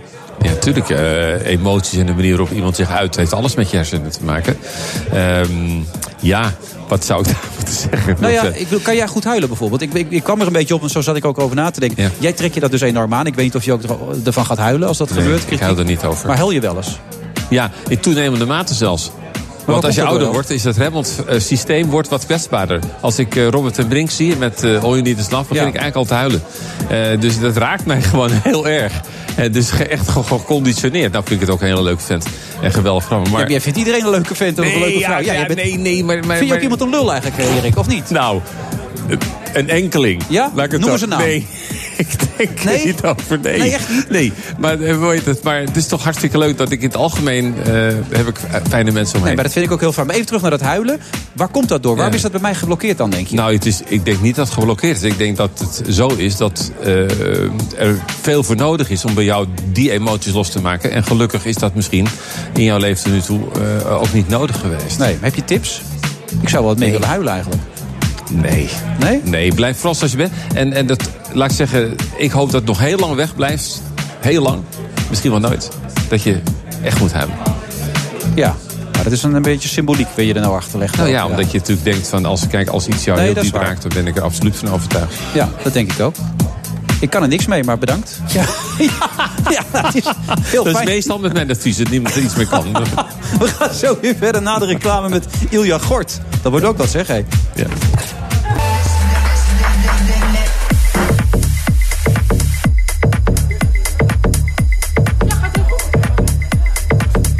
Friday van vrijdag 1 december. Bijzondere dag vandaag. Een soort feestdag. Want het is bijna kerst. Het is bijna Sinterklaas. Het is ja, eigenlijk alles bij elkaar. Er staat hier zelfs al een kerstboom. Terwijl Sinterklaas nog gevierd moet worden. Naast mij nog steeds Erik Scherder in topvorm. Hij staat nog steeds. Hij heeft één keer misschien twee minuten gezeten. Maar voor de rest van de tijd blijft hij gewoon bewegen en staan. Voelt zich nog 35. En naast ons inmiddels ook. En die voelt zich ook nog 35. Ilja Gort. En zijn wijnboerenminnares Caroline. Caroline. Caroline. Si, si, Caroline. Waarom moet je het zo uitspreken dan? Omdat het Frans is. Oh, je bent Frans? Nou, Je nee. naam is Frans. Ja, maar jij bent toch niet Frans? Nee. Dan is het toch gewoon Caroline? Ah, moet je aan Ilja vragen. Nou ja, komt u, komt u. Maar toen je nog hier woonde, toen was het gewoon Caroline. En nu je op dat kasteel woont... Zij is altijd eenvoudig gebleven, maar ze heet wel Caroline. Ja. Dat wel. Ja. Je schrijft het met Zeg, I en even E, voordat dus- je nou helemaal doorslaat. Wij zijn hier gekomen om jou het eerste exemplaar aan te bieden Nee, dat van kan niet, want je zat al bij. Pauw en zo. Zat je dan Die bij- heeft geen boek aangeboden gekregen. Die heeft niet het boek gekregen? Nee. Dus je gaat nu het allereerste boek hier gewoon... eerste exemplaar. Nou, dames en heren, dit is toch een heel bijzonder moment. Daar ga ik even voor staan. Ja, even staan. Oeh, dat is wel zwaar staan. Hebben jullie het Wilhelmus klaarstaan daar achter de techniek? Muziek erbij? Niks? Oké, nee, loopt. Ja, daar loopt hij dan. Wilfred, bij deze. Oh, dat... Je namens eh, de wijnboerenminnares en ik. Boek nummer 00001. Eerste exemplaar van Chateau Koken. Pour mon ami Wilfred. Nou, dames en heren, mag ik een applaus voor Ilja Gort? Kijkt u even. Daar is hij. De allereerste. Ja, een boek over eten, gezondheid en bewegen. Daar zouden wij ook wat mee moeten doen. Oh. Exemplaar nummer 2 hebben wij meegenomen. Exemplaar nummer 2 hebben we meegenomen voor professor Oh. Erik Scherven. Fantastisch. Professor. Namens de wijnboerenminares. Hartelijk bedankt, geweldig. Dank u wel heel lief. Nog een keer applaus. Ook Nog voor Erik. ja. het is wat hier allemaal gebeurt. Een en al gezondheid. Er staat een muziekje achter, maar is niet echt heel toepasselijk, dat muziekje niet. Dat je denkt, nou, jongen, wat een feestelijke muziek. Maar wel goed geprobeerd, Thomas. Ja, zeker. Goh, dan vinden mensen mij weer een lul allemaal in de houten. Hoe kan je dat nou weer zeggen? Maar wij kennen elkaar heel goed, Thomas. Hè? Dus jij kan dat soort grapjes heel goed hebben. Ilja, waar gaat dit boek over? Dit boek gaat over lekker eten en gezond eten. En niet te veel eten ook vooral. Niet te veel? Nee, niet te veel, nee. Maar jullie eten heel veel, las ik ergens. Ja, we eten heel vaak, maar niet heel Oh, veel. niet heel veel. En een grote misvatting is dat, eh, dat hoor ik wel eens, komen eens mensen naar mij toe... die zeggen, nou, ik ben een echte levensgenieter, ik ben een bourgondier. Ja. Ik hou van grote, lekkere foie gras en lekker veel wijn en patisserie, daar hou ik van. En dat is een veelgemaakte fout als dat eh levensgenieten zou zijn. Niets is minder waar. Oh. Levensgenieten is genieten van het leven. Ja. Genieten van het leven doe je door gezond te eten. Dan leef je namelijk lang en dus ook gelukkig. En veel bewegen, hè? dat weet je van Erik. En dan word je Nou, ook minder snel dement. Ja. Carolina, ben jij een wijnboerenminnares? Wat, wat is dat precies? Ik bemin deze wijnboer, dat is het. Dat is het. Ja. Oh, ik hoopte dat er nog een mooi spannend Nee, verhaal voor de rest Daar moet je het er maar een bij bedenken. kan ik je melden hoor. Dat is Ja? een hele klus. Jij bent nog steeds, eh, Ja, dat is, valt in, op in, zich in het niet bed nog steeds actief, ja? Ja, ja, Ja, een grote min. Is het een goede minnaar? Hele goede minnaar. Ja? Ja. Wat maakt iemand een goede minnaar dan? Het, we zijn nog geen twee minuten binnen. Ik zou wel graag over het we willen praten. gewoon over het Zal ik dat doen? Dat is wel Ja, Erik, stel mij maar een vraag. Het gaat over de wijnboerenminnares. En dan mogen we niet over het middagspel de verkeerde praten. kant uit gaan met dit verhaal, dat is duidelijk. Maar dat chateau koken, kun je wat over vertellen? Maar Ja. hoe heet het nou chateau koken, behalve dat het in een kasteel gebeurt? Of is dat toch eigenlijk de oplossing van het woord chateau koken? Of is het ook, zijn het maaltijden die passen bij een chateau? Nou ja, het past bij een château. We hebben vastgelegd hoe wij zelf eten. Heel veel mensen vinden dat leuk en bijzonder. Maar als je probeert te analyseren wat het is... dan zie je eigenlijk dat het heel simpel is. En dat je dat dus zelf thuis ook kan doen. Daarom heet het ook château koken voor iedereen. Het is hoe wij dat daar doen op het château. We zorgen dat het er lekker uitziet. We proberen de beste producten te krijgen. Maar dat kan je thuis drie hoog achter ook. Leuk. En dan Dat is voel je een klein beetje alsof je op je eigen chateau zit. Dat is een Zo beetje het is idee. het, ja. Ik probeer weer aan te haken. Het lukt me niet, want ik zat in een hele andere modus, merk ik Ja, wel aan mezelf. Je herstelt je wel goed. Ja. Maar wat mij ook opvalt, geen friet staat er. En ik bedoel, mijn naam is mm, Freddy Friet, is mijn bijnaam. Mijn enige Ja. zonde is friet. En hier staat niet zoveel friet eten. Of eigenlijk niet, als het kan, toch? Nou, niet te veel. Geen friet staat hier. Nou, nee, Weet je wat het dat is met die dat friet? redactie opgezet. Maar in het boek staat, een handvol frieten... dat Ja. staat gelijk aan twee uur op de loopband. Dus waarom zou je het doen? Zo lekker. Een patatje, twee patatjes, allemaal prima. Maar kies andere dingen die gezonder zijn... en waar je evenveel plezier aan beleeft. Dat Ja. zou jij... Je hebt toch ook een kookboek geschreven? Ja, dat is toevallig. Dat, dit ligt hier toevallig ook nog vullen of voeden. Weet je wie er ook een stukje geschreven heeft? Nou? Nou, daar staat hij. Het is echt, ja, het is ongehoord wat hier allemaal gebeurt. Maar ja, sommige dingen, wij, wij geloven in de 80-20% regel... dat je ook wel een beetje mag vullen en dus mag zondigen. Ja, nee, maar dat doen wij dus ook. Maar wacht, ik wil even over die frietjes iets zeggen. Want ik hou heel erg van frietjes. Maar wij doen een soort handjeklap. Ik mag er vijf uitzoeken die het allerlekkerste zijn. Dat hebben we van tevoren afgesproken. dus het klinkt een beetje betuttelend. En dan ga ik de vijf lekkerste uitzoeken. Maar die smaken dus hartstikke geweldig. Dat is veel beter dan gedachteloos zo'n hele bak naar binnen werken. Werkt dat op je hersenen ook zo door? Ja, het, het, kijk kijk, het even is naar natuurlijk de beloning. Hè. De beloning is gigantisch, hè, denk ik, hè, bij die Ja, vijf frietjes. die zijn Want, namelijk eh, het allerlekkerste En dat genieten, als je Ja. ziet wat zich dan in het brein afspeelt... Dat, dat is exact hetzelfde als je ook naar die mooie foto's kijkt. Want dat valt me ook op. Als je in die foto's kijkt, dan, Ja. dan wil je die maaltijden gewoon eten. Hè. Het is mooi foto's gemaakt ook, hoor. Prachtig. Dankjewel. Prachtig, ja, het is een mooi schitterend boek geworden. Maar jij was het zat dat Iljo ook altijd alleen maar eh, voor die camera verzet. Je denkt, nu wil ik er ook een keer bij. Nee, nee, nee, het zit zo. Ik maak alle foto's, dus sta ik zelf nooit op de foto. Het is heel simpel. Alleen ja, voor in dit geval... eh, ik heb ook naast dat ik Ilja veel fotografeer... ook al onze maaltijden altijd veel gefotografeerd. Gewoonweg omdat ik het mooi eruit vind zien. Compliment, het is echt heel mooi gelukt. Ja. Mag ik nog iets vragen over die frietjes? Want maakt het dan niet uit of je het in een bepaalde olie bakt... die misschien wel heel gezond is? Dat- nou ja, dat Kan denk dat? ik wel, maar wij bakken zelf nooit frietjes. Dat is meer... Ja, Het als- hoort niet bij de chateau koken eigenlijk. Nee, dat hoort niet bij het château koken. Wat zijn nu de, voor jullie de mooiste maaltijden? Of zou- kan je dat niet zeggen? Ja, dat kun je wel zeggen. Ja, Eigenlijk voor onze... mij is het een, wat we even niet uit het oog mogen verliezen... dat een veel... eh Dan wordt hij toch dominant weer. wijd- je ziet het Ja, je ziet de rolverhouding gewoon weer tot stand komen. Ik Ja, moet me echt even van het hart. ja ik merk het aan je. Dan moet je Ik niet gaan drinken. Het ik ben een beetje ontroerd. Maar kijk, eten, er is Ja? ook zo'n misverstand. Eten gaat niet om het eten. Eten gaat om aan tafel zitten. en met elkaar ouwe hoeren. Daar Ja. gaat eten om. Het gaat een beetje om de liefde eigenlijk. Het is- ook de ja, warmte, de precies. geze- Het is een beetje Thierry Baudet wat je nou aan het doen bent. De partij van de liefde hoor ik nou opeens. Maar... Thierry Baudet je Ja, die heeft nu opeens de partij van de liefde. adem met mij eh, noemen. Ja. Nee, kijk, eten is een, een excuus om die waanzin waar we de hele dag mee bezig zijn te stoppen. Te gaan zitten aan tafel, lekker glaasje wijn, elkaar in de ogen kijken. Beetje kletsen. Wat heb jij vandaag gedaan? Wat was jouw leukste moment van de dag? Beetje ouwe hoeren. Daar dient het voor. Dus moet dat zo lang mogelijk duren. En zo rustig mogelijk, zo veel mogelijk van genieten. En niet zomaar dingen naar binnen scholven. En zo. Dat, oh, dat is zonde. Ja, Dat spreekt mij heel erg aan, dit idee.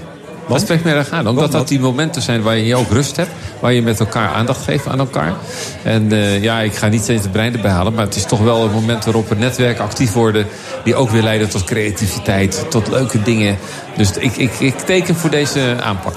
Maar Caroline, je wilde er een paar uitlichten. Een paar gerechten die specifiek voor jullie wel aansprekend zijn, toch? Welke vind je Ja, nou nou, wat, wij, wat wij heel graag eten is eh, rauwe vis. Die je dan min of meer marineert in, eh, in, in olie met eh, limoen. Dus dat is rauwe vis, vaak zeebaars of zalm. En daarbij maken we vaak een geweldige gegrilde groenteschotel... met alles wat er voorhanden is.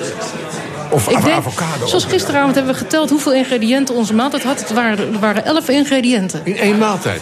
Dus dat is dan eh, Maar twee soorten dat- dat- paddenstoelen, Dan hoor ik mensen broccoli. thuis zeggen, maar daar hebben wij geen tijd voor. Om dat Jawel, allemaal hebben wij wel. Tijd Ja, jullie wel. Nee, maar Niemand wij mensen tijd hebben dat. moet je maken. Moet dat je weet maken. toch wel. Nou, ik vraag me een beetje af, want soms eh, als je, ik, ik kijk niet zoveel naar kookprogramma's, gewoon geen tijd.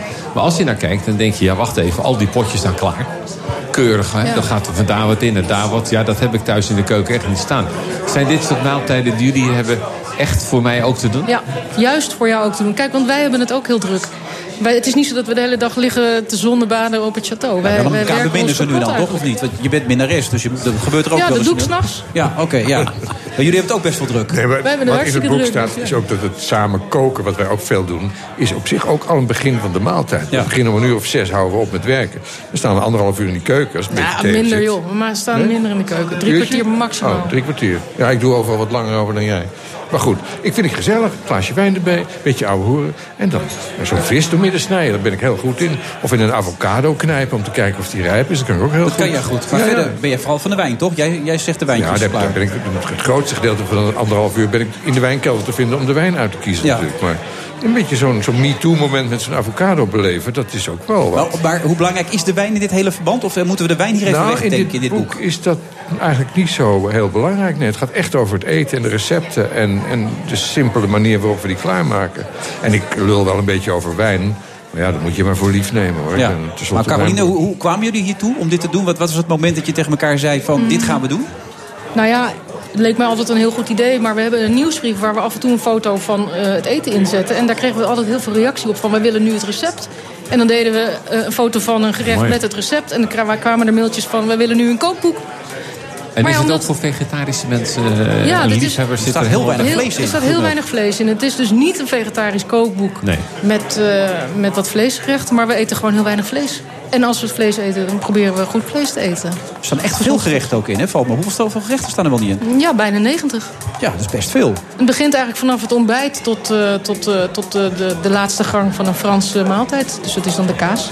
En hoe was de Sorry, onderlinge dit zoete. samenwerking? Ik bedoel, ik heb met mijn vrouw ook een boek gemaakt. En ik weet dat het kan Oh. heel intensief zijn. Nou, dat is dus verschrikkelijk. Ja. Ik kan het iedereen van harte afraden.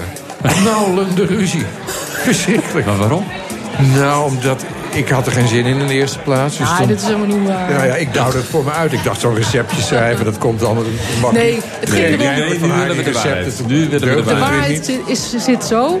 Ik maak dan die, die dingen. Ik ga koken. En toen dacht ik, oh god, dan moet ik het nou gaan opschrijven. Terwijl ik meestal het een beetje uit de losse pols doe. Dus toen ging ik het opschrijven. Maar toen hadden we afgesproken dat Ilja het leuk zou krijgen, die recepten. Dus die ging mijn recepten Leuk. herschrijven. En dan ging hij er iets heel anders van maken. Ja, die recepten die jij had opgeschreven, Omdat hij daar het leuker vond dat er dan Ook 11 andere en een halve ingrediënten erin. Nee, dat niet. Oh nee. Maar moest het allemaal weer zelf gaan nalopen. Maar ik zie hier juist alleen maar een eh, ontzettend leuke sportieve samengang eh, in ja, dit maar geheel. is voor, de, voor de buren merk ik nu toch een beetje. Want er is Sinds kort pas goed gekomen. bloed, zweet en tranen, heb ik de indruk. Maar daarna goed maken. Jawel, dit Ja?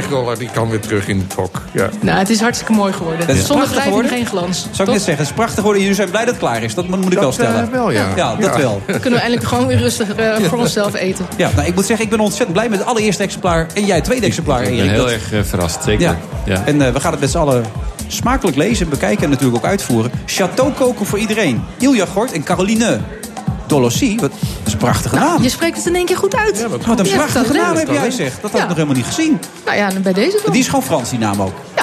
Fantastisch. Maar je bent Nederlands. Ja. Dus ze komt uit Soest van oorsprong. Nee. Nou ja, vlakbij Soest, Amersfoort. Nou ja, om de hoek. Ja, toch? Mag ik jullie ontzettend bedanken. Ga je nog wat leuks doen nu? Of zeg je van nou... Ja, ik ga een biertje drinken. Ja, ga je ook nog wat Ja, leuks lekker doen? biertje drinken. Oh, gezellig leg. Met Dat waard patat erbij. Julia Gort en Carolien Dolossi. Prachtig. We gaan, gaan we nog verder met het programma? Zijn we klaar? Nee, gaan we door. Oh, dan gaan we door. Nou, tot zo dan. BNR Nieuwsradio. Friday Move. We hebben het in de Kamer geprobeerd. Rutte is niet van plan daar iets aan aan te passen. En dan moet hij eh, ook maar eh, voelen hoe het zit. Ik vind dat we in dit soort kwesties het hoofd koel moeten houden. Dat kan maar één ding betekenen, dat er stront aan de knikker is. Ik wil weten welke stront dat is. Wilfred Gené. Ja, is de dag dat er nagedacht wordt over het verbieden van vuurwerken... dat je zorgverzekering, zorgverzekering stukken goedkoper kan. Hij wordt lastig deze uitzending. Hij staat er nog steeds. Erik Scherder.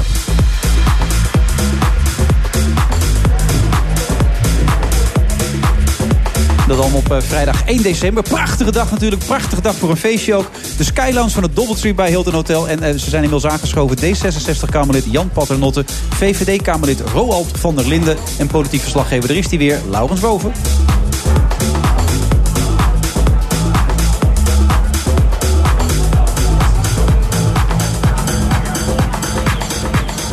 Ik moet er even over nadenken, eh, Erik. Maar als ik me goed herinner, had jij of de Piratenpartij of de Partij voor de Dieren gestemd, toch de laatste keer?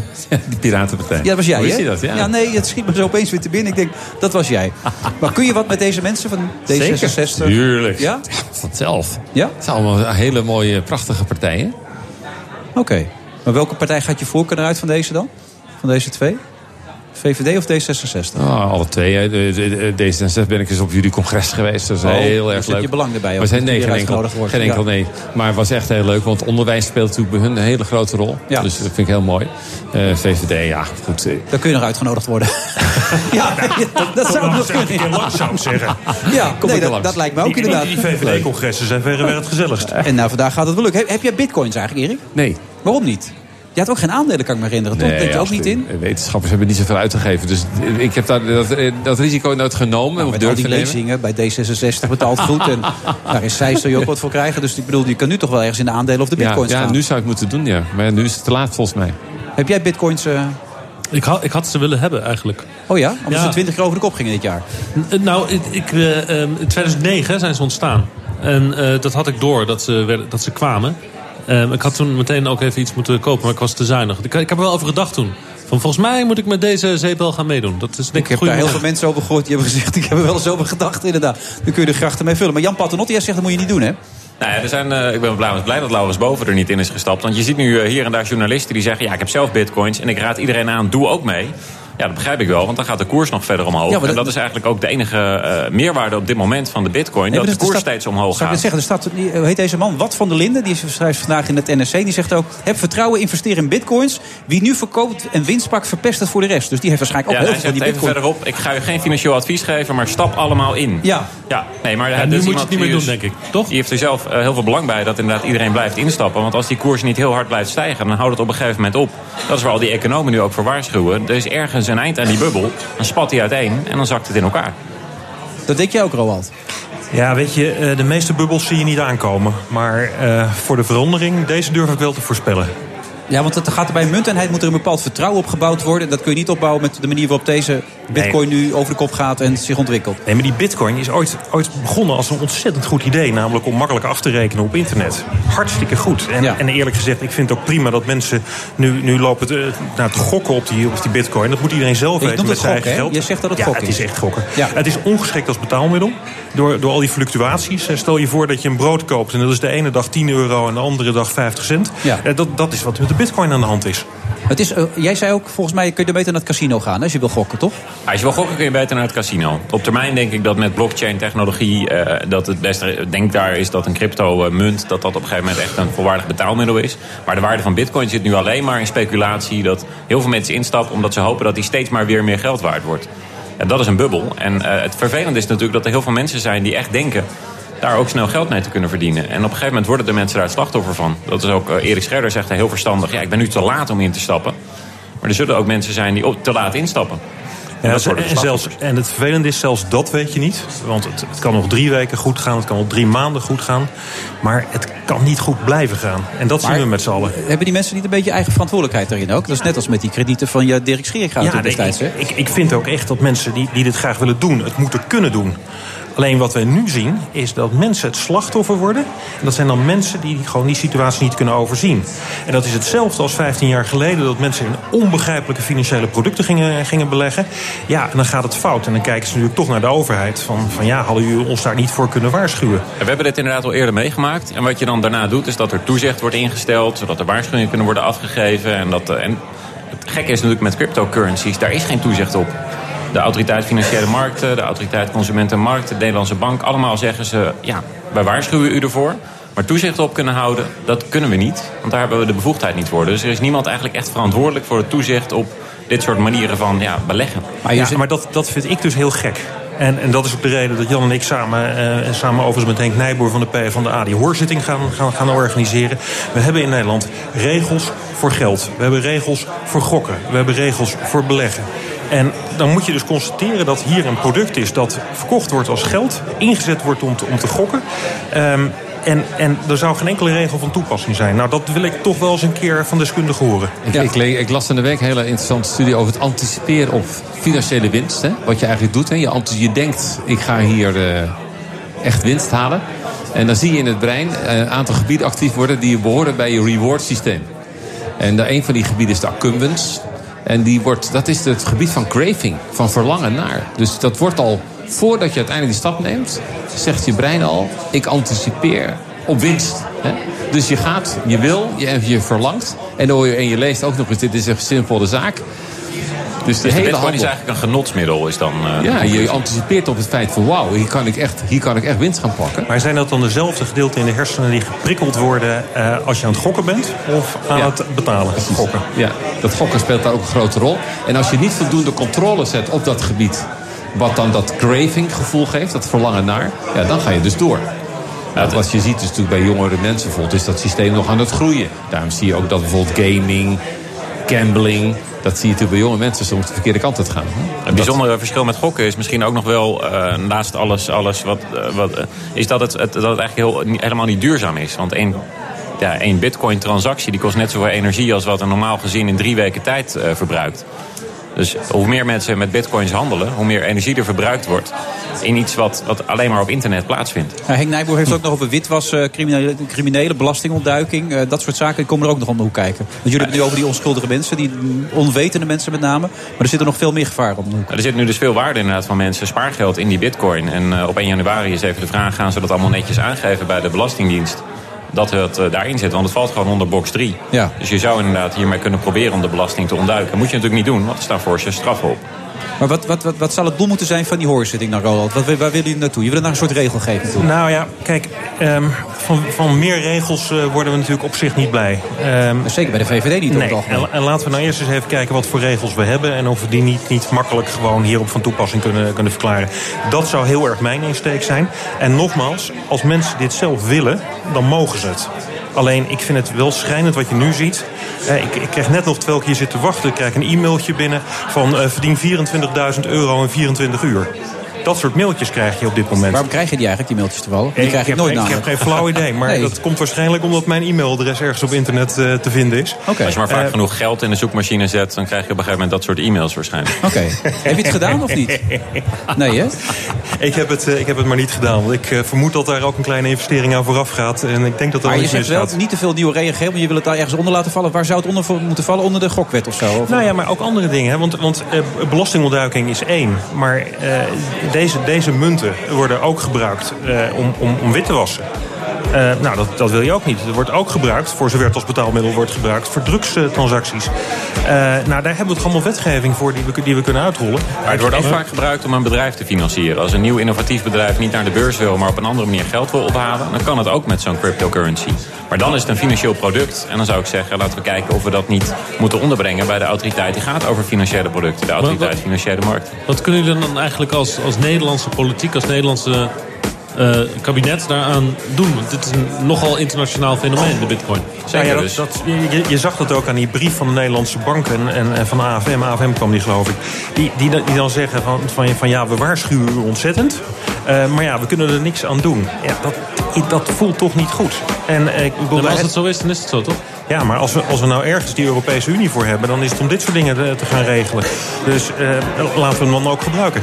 Mooi om te zien, hè? D66, PvdA, eh, VVD, gezamenlijk, hè? Ja, maar dit is gewoon een algemene Ja, dat is zorg. een, eh, paarse actie inderdaad. Maar dat Ja. is denk ik omdat iedereen zich hier zorgen over maakt. Het gaat om de stabiliteit van, eh, van financiële markten. En het gaat inderdaad om ja, mensen die heel veel spaargeld erin zetten... en die daar het slachtoffer van zouden kunnen worden. Ja.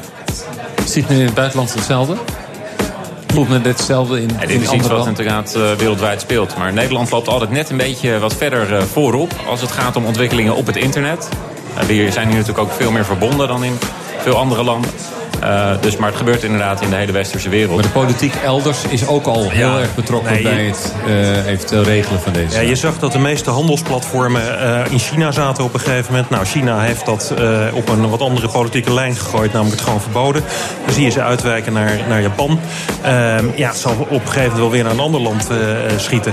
Nou ja, daar schiet onze regelgeving voor tekort. We gaan zo nog even door, want ik zie dat Roland van der Linden een heleboel papiertjes en ja, aantekeningen Nee hoor, bij zich nee. heeft. Jawel, dus daar kunnen we zo nog even Ik, over doorpraten. Bij me. Na de reclame. Tot zo.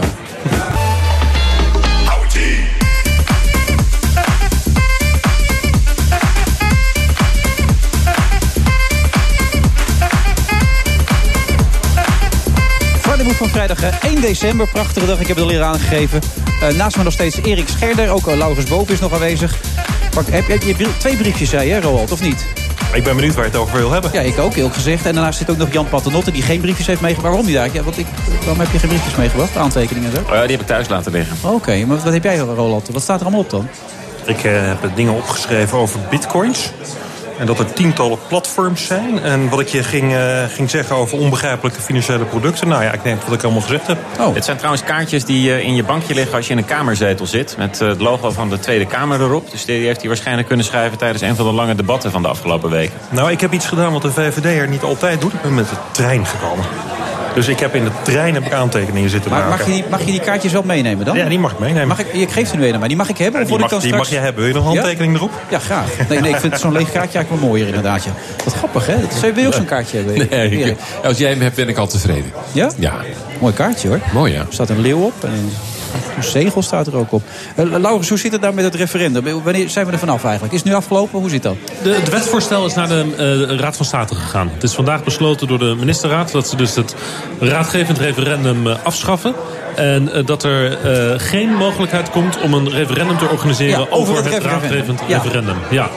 En dat is toch wel een hele bijzondere manoeuvre. Dat krijgt echt nog wel een hoop juridische staartjes in Den Haag. Hoor. Want eh, ehm, de, de- volgens, volgens Rutte, volgens het kabinet, is het gewoon logisch dat je over het afschaffen van het referendum geen referendum Nee, maar hij vindt het ook logisch dat de koning gewoon geen belasting hoeft te betalen, heb ik net Ja, gehoord. ook En ook dat we gewoon de vennootschapsbelasting, die wordt ook al, dat vindt hij ook logisch. Dus wat dat betreft, hè? Eh, Er ontstaat een. eh, eh, het is een heel interessant najaar wat dat betreft. Ja. Aan wat er aan kabinetsvoorstellen komt.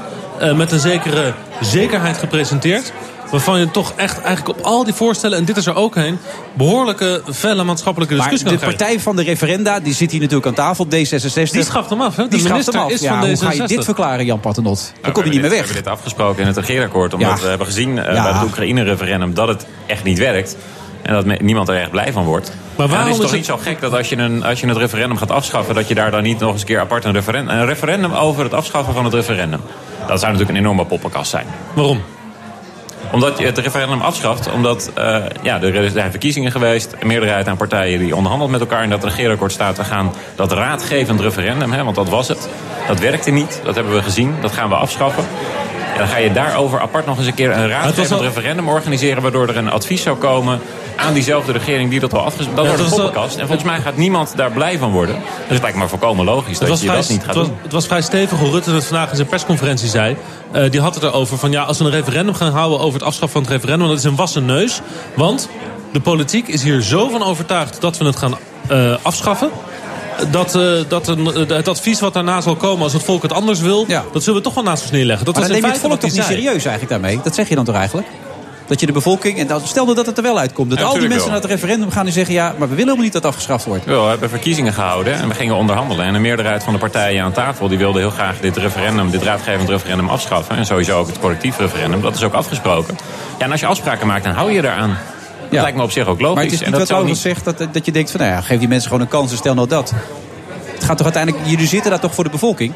Volgens mij eh, begrijpt niemand het meer als wij een referendum gaan houden over het afschaffen van het referendum. En dat referendum is dan raadgevend. Dus dat is dan niet een besluit, maar dat is dan een advies. maar jongens, van dezelfde maar wie regering die heeft stel het nou om het niet referendum begrijpt af te schaffen. Maar wie begrijpt dat nou? Erik Scherder ook, die, die heeft verstand Ja, wat van vind jij ervan. Erik? Dus die zegt, Wat vind jij? Vind jij dat de bevolking nog een kans moet hebben? Dat je geen referendum houdt eh, over het afschaffen van een referendum. Als je dat dan wel aanneemt, de uitslag daarvan... dan had je het vorige referendum ook moeten accepteren. Dat is ook niet gebeurd. Dus Nou, het is dat echt is een beetje, een beetje er tussendoor gemangeld en zo. Ja. Maar jullie waren altijd voor die referenda. Waar, waarom niet meer? Zeg je eigenlijk referenda, klopt dat? Ja? Of is het gewoon referendums? Referenda. Ja, nou ja. Nou, wij, wij zijn altijd, we zijn altijd voor bestuurlijke vernieuwing geweest. Door Het openbreken van dat de macht alleen maar in Den Haag ligt. Nou, dat, eh, de- we gaan nu ook door met het uit de grondwet halen van de benoemde burgemeester. Dat is ook iets wat binnenkort eh, eh, op de agenda staat. Maar bij het referendum hebben we vorig jaar gezien eh, met Oekraïne... dat het begonnen is als speeltje van, nou, in dit geval vooral SP en geen stijl. Ja, aan de weerszijde. Ja. Ja, en die ook zeiden van ja, dat hele Oekraïne dat interesseerde ons helemaal niet. We wilden gewoon een punt maken tegen Europa. Maar het ging over een internationaal verdrag waar 28 landen over onderhandeld hadden. En het zette die Europese besluitvorming op zijn kop op een manier die niet werkt. En ons partijcongres van D66 dat heeft vervolgens gezegd... ja, we willen dit niet meer. Referenda over internationale verdragen moeten we niet meer doen. Maar Jan- en als democratische partij, want we zijn een democratische partij... ja, dan luister je naar je eigen partijcongres. Maar Jan, je zegt net van... ehm, eh, de mensen hebben gekozen, hè, er waren verkiezingen... en nu nemen we de besluiten. En drie zinnen later zeg je van D60 is de partij die de, de boel wil openbreken... en niet dat alle macht in Den Haag ligt. Nou, daarom hebben we ook... eh, maar dat, dat is toch dit precies het voorbeeld van dat de macht volledig naar Den Haag wordt toegetrokken? Daarom eh, ook het feit dat die, eh, die uit de grondwet halen van de, gekozen, van de benoemde burgemeester. Dat betekent ook dat in de toekomst het niet meer nodig zal zijn. Dat de burgemeester per se vanuit Den Haag benoemd wordt door de minister van Binnenlandse Zaken. Eh, en dat zou kunnen Dat betekenen dat niet zo. mensen De er gemeenteraden, die kiezen, gemeenteraad nee, maar de gemeenteraden kiezen al de burgemeester. ja, via een hele geheime commissie Ja. waarbij geheim is welke kandidaten het zijn. Dan mag uiteindelijk de minister een besluit nemen. Wat ons betreft gaan we dat opengooien. Daar gaan we gewoon eh, mee door. Omdat er eerder ook al ja, eh, mee geoefend is. Hè, dat mensen hun eigen burgemeester konden kiezen. En er ook heel tevreden mee waren. Dat werkte. En bij dit raadgevend referendum over internationale verdragen... daarbij hebben we gezien dat het niet werkt en dat mensen er ook niet blij van worden. Even de, even de premier van jouw partij natuurlijk. Ik, maak net even die grap ook over de vennootschapsbelasting. Hoe dat dan een beetje allemaal gaat. Dat het niet heel duidelijk wordt. We hebben net gehoord het verhaal van dat er al twee jaar geleden een motie is aangenomen. om een belastinghervorming voor de koninklijke familie door te drukken. Maar dat, dat hij dat gewoon niet doet. Wat vind je van dat soort dingen? Nou ja, weet je, je moet wel gewoon een eerlijk verhaal vertellen. Ook, ook nu bij die referenda, hè. Nee, natuurlijk. Je gaat niet voor miljoenen een, een, raadgevend referendum houden... om vervolgens te concluderen dat je het toch doorzet. Dan kun je maar beter van tevoren zeggen van... ja, jongens, dit gaan we dus niet doen. Ehm, ja, je noemt dividendbelasting. Ehm, je, je kunt toch de premier niet ontzeggen dat hij gewoon eerlijk en open is geweest... en, eh, en, en gewoon gezegd heeft wat hij ervan vindt. Dus ja, ja weet je, je, je, kunt wel, wel roepen van je zit er voor de bevolking. Maar als je vervolgens geen eerlijk verhaal vertelt. Wij doen ons best om gewoon eerlijk te vertellen waar we naartoe willen. En, en ja, dat, daar zijn mensen het eens eh, of, of oneens mee. Maar het is wel het eerlijke verhaal. Maar wat ik niet zo goed begrijp is dat er eh, rondom dat referendum... door de politici de hele tijd wordt gezegd... de mensen vinden dit zo ingewikkeld en de mensen begrijpen het niet. Terwijl het volgens mij de politici zijn die het zo ingewikkeld dat- vinden... om met een uitslag om te gaan. Dat is niet het punt. De VVD is altijd heel kritisch geweest over referenda. Waarom? Je zet gekozen politici neer om moeilijke onderwerpen te behandelen... daar de voordelen en nadelen tegen af te, te wegen, nuances aan te brengen. Eh, en, en daar past geen ja-nee-kanon bij. En wij zijn om die reden altijd tegen geweest. Dat is niet omdat het zo ingewikkeld is voor, voor, voor mensen op straat. Nee, onze taak is juist dat wij vervolgens de straat oplopen... en die mensen gaan uitleggen waarom we iets gedaan hebben... En, en dan mogen ze ons met de verkiezingen keihard op afstraffen als ze het er niet mee eens zijn. Maar een referendum is een ja-nee-kanon voor soms hele moeilijke dingen. En dan krijg je dus wat er met de Oekraïne is, is, is gebeurd. Dat had niets met elkaar te maken. Kijk, uiteindelijk is het hoe het nu juridisch ligt best interessant. Door, uh, Erik is het helemaal mee eens. Die zit alleen maar te knikken tot nu toe. Ja, ja, ik vond wel dat Rutte ontzettend zijn best heeft gedaan... om te kijken of hij alle partijen toch nog te vriend kon houden... in het oplossen eh, na die uitslag van het raadgevend referendum. Hij heeft, echt, hij heeft echt gekeken van wat kan ik in Brussel, wat moet ik doen om toch te kijken of... En dat moet zeggen, of, ik bedoel even los van de VVD of wel of niet. Hè, daar gaat het niet om. Het gaat erom of je ziet dat iemand oprecht wij als Ja, burger kijk, oprecht... En ik moet zeggen, dat gevoel had ik echt bij hem. Dat, dat ik dacht, hij doet echt zijn best om te kijken... kan ik de mensen sparen en kan ik toch tot de oplossing komen... om, Ja. om die zaak te redden. Juist, daarom, juist daarom denk ik van... eh, het is nu één keer gedaan, dat referendum. Dat was een beetje ingewikkeld voor, de, voor het Binnenhof om daarmee om te gaan. Maar laat, doe het nog een paar keer. En dan wennen we er wel aan. En dan vinden we wel een methode om hiermee om te gaan. Om na één keer dat dit is gebeurd en het een beetje ingewikkeld was... meteen te zeggen van nou, dan doen we het maar niet. Of kan Jullie vinden wel een Ja, maar is nu ben je, toch- je- je- jouw geheugen moet toch wel langer teruggaan. In 2005 hebben we ook een referendum gehad over de Europese grondwet. Nou, die is er daarna niet gekomen. Tegelijkertijd is er wel een nieuw verdrag gekomen... wat ook in Europa voor allemaal veranderingen zorgde. Zorgde dat Europa inderdaad eh, gewoon Ja, ook met maar dan had meerderheid... je ook in kunnen plaats zeggen van met we- unanimiteit we besluiten passen, het, we passen de referendumwet aan en we halen verdragen eruit. En we gaan het gewoon nog een keer proberen. We proberen hem beter te maken. Maar in plaats daarvan zeggen jullie van nee, we trekken hem in. En we trekken hem op zo'n manier in dat je er geen referendum over kan houden. En dat is een hele ingewikkelde juridische manoeuvre. Want dat kan eigenlijk niet. Want eigenlijk moet je over elke wet een referendum kunnen houden. En er is nu een juridisch ding, wat nog niet bekend is wat het precies is, bedacht... om het zonder referendum er doorheen te kunnen Volgens mij is krijgen. iedereen je nu al kwijt. Het is, daar zijn het is bijna zes uur, jongens. We, we gaan nog even eh, voorspelling wie de nieuwe voorzitter wordt van de Eurogroep. Of denken jullie dat Oostenrijk en Duitsland willen dat hij nog een half jaar blijft zitten, hè, Dijsselbloem? Maar er wordt maandag gewoon een nieuwe gekozen? Gaan we vanuit? Nou ja, het is wel, de, de regels zijn natuurlijk dat er een eh, voorzitter moet komen... die ook minister van Financiën Ja, is. En ook het lijkt me goed als ze zich in Europa eh, ook even aan de regels houden. Want dat is in het verleden niet altijd gebeurd. Het lastige is ook, als je nu Dijsselbloem doorzet... die hoeft nergens verantwoording af te leggen. Nee. Die is nergens minister, die heeft geen parlement... wat hem vragen kan stellen. Dus die heeft dan een soort totale vrije rol. En Ja, eh, ja, dat dat, niet ook niet goed gebeuren, in nee. Europa. Namen? Roald? En, en nee, nou ja, roleren is in ieder geval heel belangrijk. En, en precies het punt wat Jan eh, heeft, verantwoording afleggen aan je, aan je thuisfront. Dus ehm, met alle respect voor Jeroen Dijsselbloem, eh, maar ik ben wel voor een nieuwe benoeming. Ja. Wil je nog even vernietigende vragen bij de heren stellen? Je, je hebt nu nog een kans. Erik, je kan nu nog één keer. Waarom zou ik? Ja, weet ik niet. Nee, helemaal. Ze lijken met twee hele goede politici. Ja? Ze weten waar ze het over hebben. Ze lijken me oprecht. En daar gaat het mij altijd heel erg om. Oké, nou. dit klopt. Dit klopt. Er is geen spel tussen Ja, krijgen. ik vind het een goede Ja. afsluiter. Nou, laten we dat dan maar doen als afsluiter. Robert van der Linden en natuurlijk ook Jan Patternot. En jij bent ook klaar, Laurens, nu, hè? Zeker weten. Ja, nou, dan kun je een biertje nemen als je wil. Veel plezier. Tot zo. We gaan nog over Sinterklaas praten. Dat is leuk. Tot zo. Oh. BNR Nieuwsradio. The Friday Move. It's been announced that Prince Harry is to marry his girlfriend, the American actress Meghan Markle. Ik vind dat we in dit soort kwesties het hoofd koel moeten houden. Dat kan maar één ding betekenen, dat de stront aan de knikker is. Ik wil weten welke stront dat is. Wilfred Genee. Sinterklaas zorgt voor een nieuw verkooprecord. En ook in de bioscoop is hij razend populair.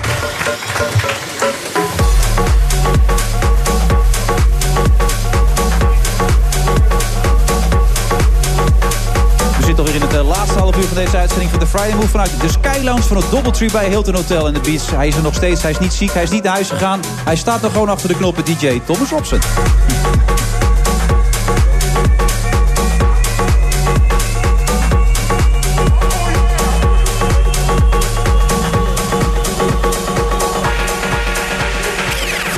En naast me staat hij nog steeds in hoogste eigen persoon Sinterklaas, oftewel Erik Scherder. Heb, heb je wel eens voor Sinterklaas gespeeld eigenlijk, Erik? Nee, eh, mensen roepen wel eens, er komt de kerstman aan. Ja. ja. Dus Sinterklaas kan ook heel goed. Maar heb je het nooit willen Ja, spelen? ik heb het ooit één keer... Nee, een keer Zwarte Piet. Zwarte Piet? Ja, want het was ook nog geen baard, hè? Toen had je geen baard? Nee. Hoe lang is dat geleden, die baard dan? Eh, ik denk vanaf mijn achttiende, zoiets. Echt waar? Ja. Waarom eigenlijk? Ik vroeg het je al eerder af, maar waarom heb je ervoor gekozen eigenlijk? Ja. Lastige vraag op dit tijdstip, eh, Wilfred. Ja, maar je, hebt toch- je, je gaat toch op een gegeven moment... Hè? Ja. Staat je goed. Ja, van de rest vindt dat Ja, hij goed staat inderdaad. houden, Maar eh, dat is ook belangrijk Ik natuurlijk krijg alle staat. persoonlijkheidsstoornissen weer, dat willen we niet. Ik probeer me dat gewoon voor te stellen. Dat iemand toch met een baard neemt enzovoort. Regisseur van de film Sinterklaas en het Gouden Hoefijzer. Ja. Aram, hartelijk welkom. Ja. Je, hebt, je hebt schuimpjes meegenomen. Ja. We hebben net een gezondheidsboek uitgebracht en dan brengt Aram. Maar dat vind ik wel weer leuk. Vullen of voeden, weet je wel. Een beetje vullen moet ook kunnen natuurlijk. Vinden de kinderen hartstikke leuk. Een groot succes heb ik begrepen, Aram. Hoe verklaar je dat? Eh, hoe ik dat verklaar? Ja. Ehm, hmm, goeie vraag. Ik denk gewoon dat eh, het een goede film is. Ja, en wij van VSC Eend adviseren WC Eend, of niet? Maar, nee, maar zonder gekheid. Ik bedoel, Sinterklaas is nog steeds mateloos populair. Meer dan 100.000 bezoekers. Ja. Waarom is deze film zo goed dan? Eh, omdat het een Sinterklaasfilm is. Ik denk dat eh, er a- altijd ruimte is voor een Sinterklaasfilm. En, en in deze film gaat het ook echt over Sinterklaas. Eh, Sinterklaas is leading. En ik denk dat mensen dat heel erg leuk vinden. En we zien in deze film Sinterklaas voor het eerst anders dan eh, voorgaande jaren. Mag je iets verklappen zonder dat je meteen alles Ah, ik wil best iets verklappen. Eh, Sinterklaas gaat incognito in de film. Zo? Ja.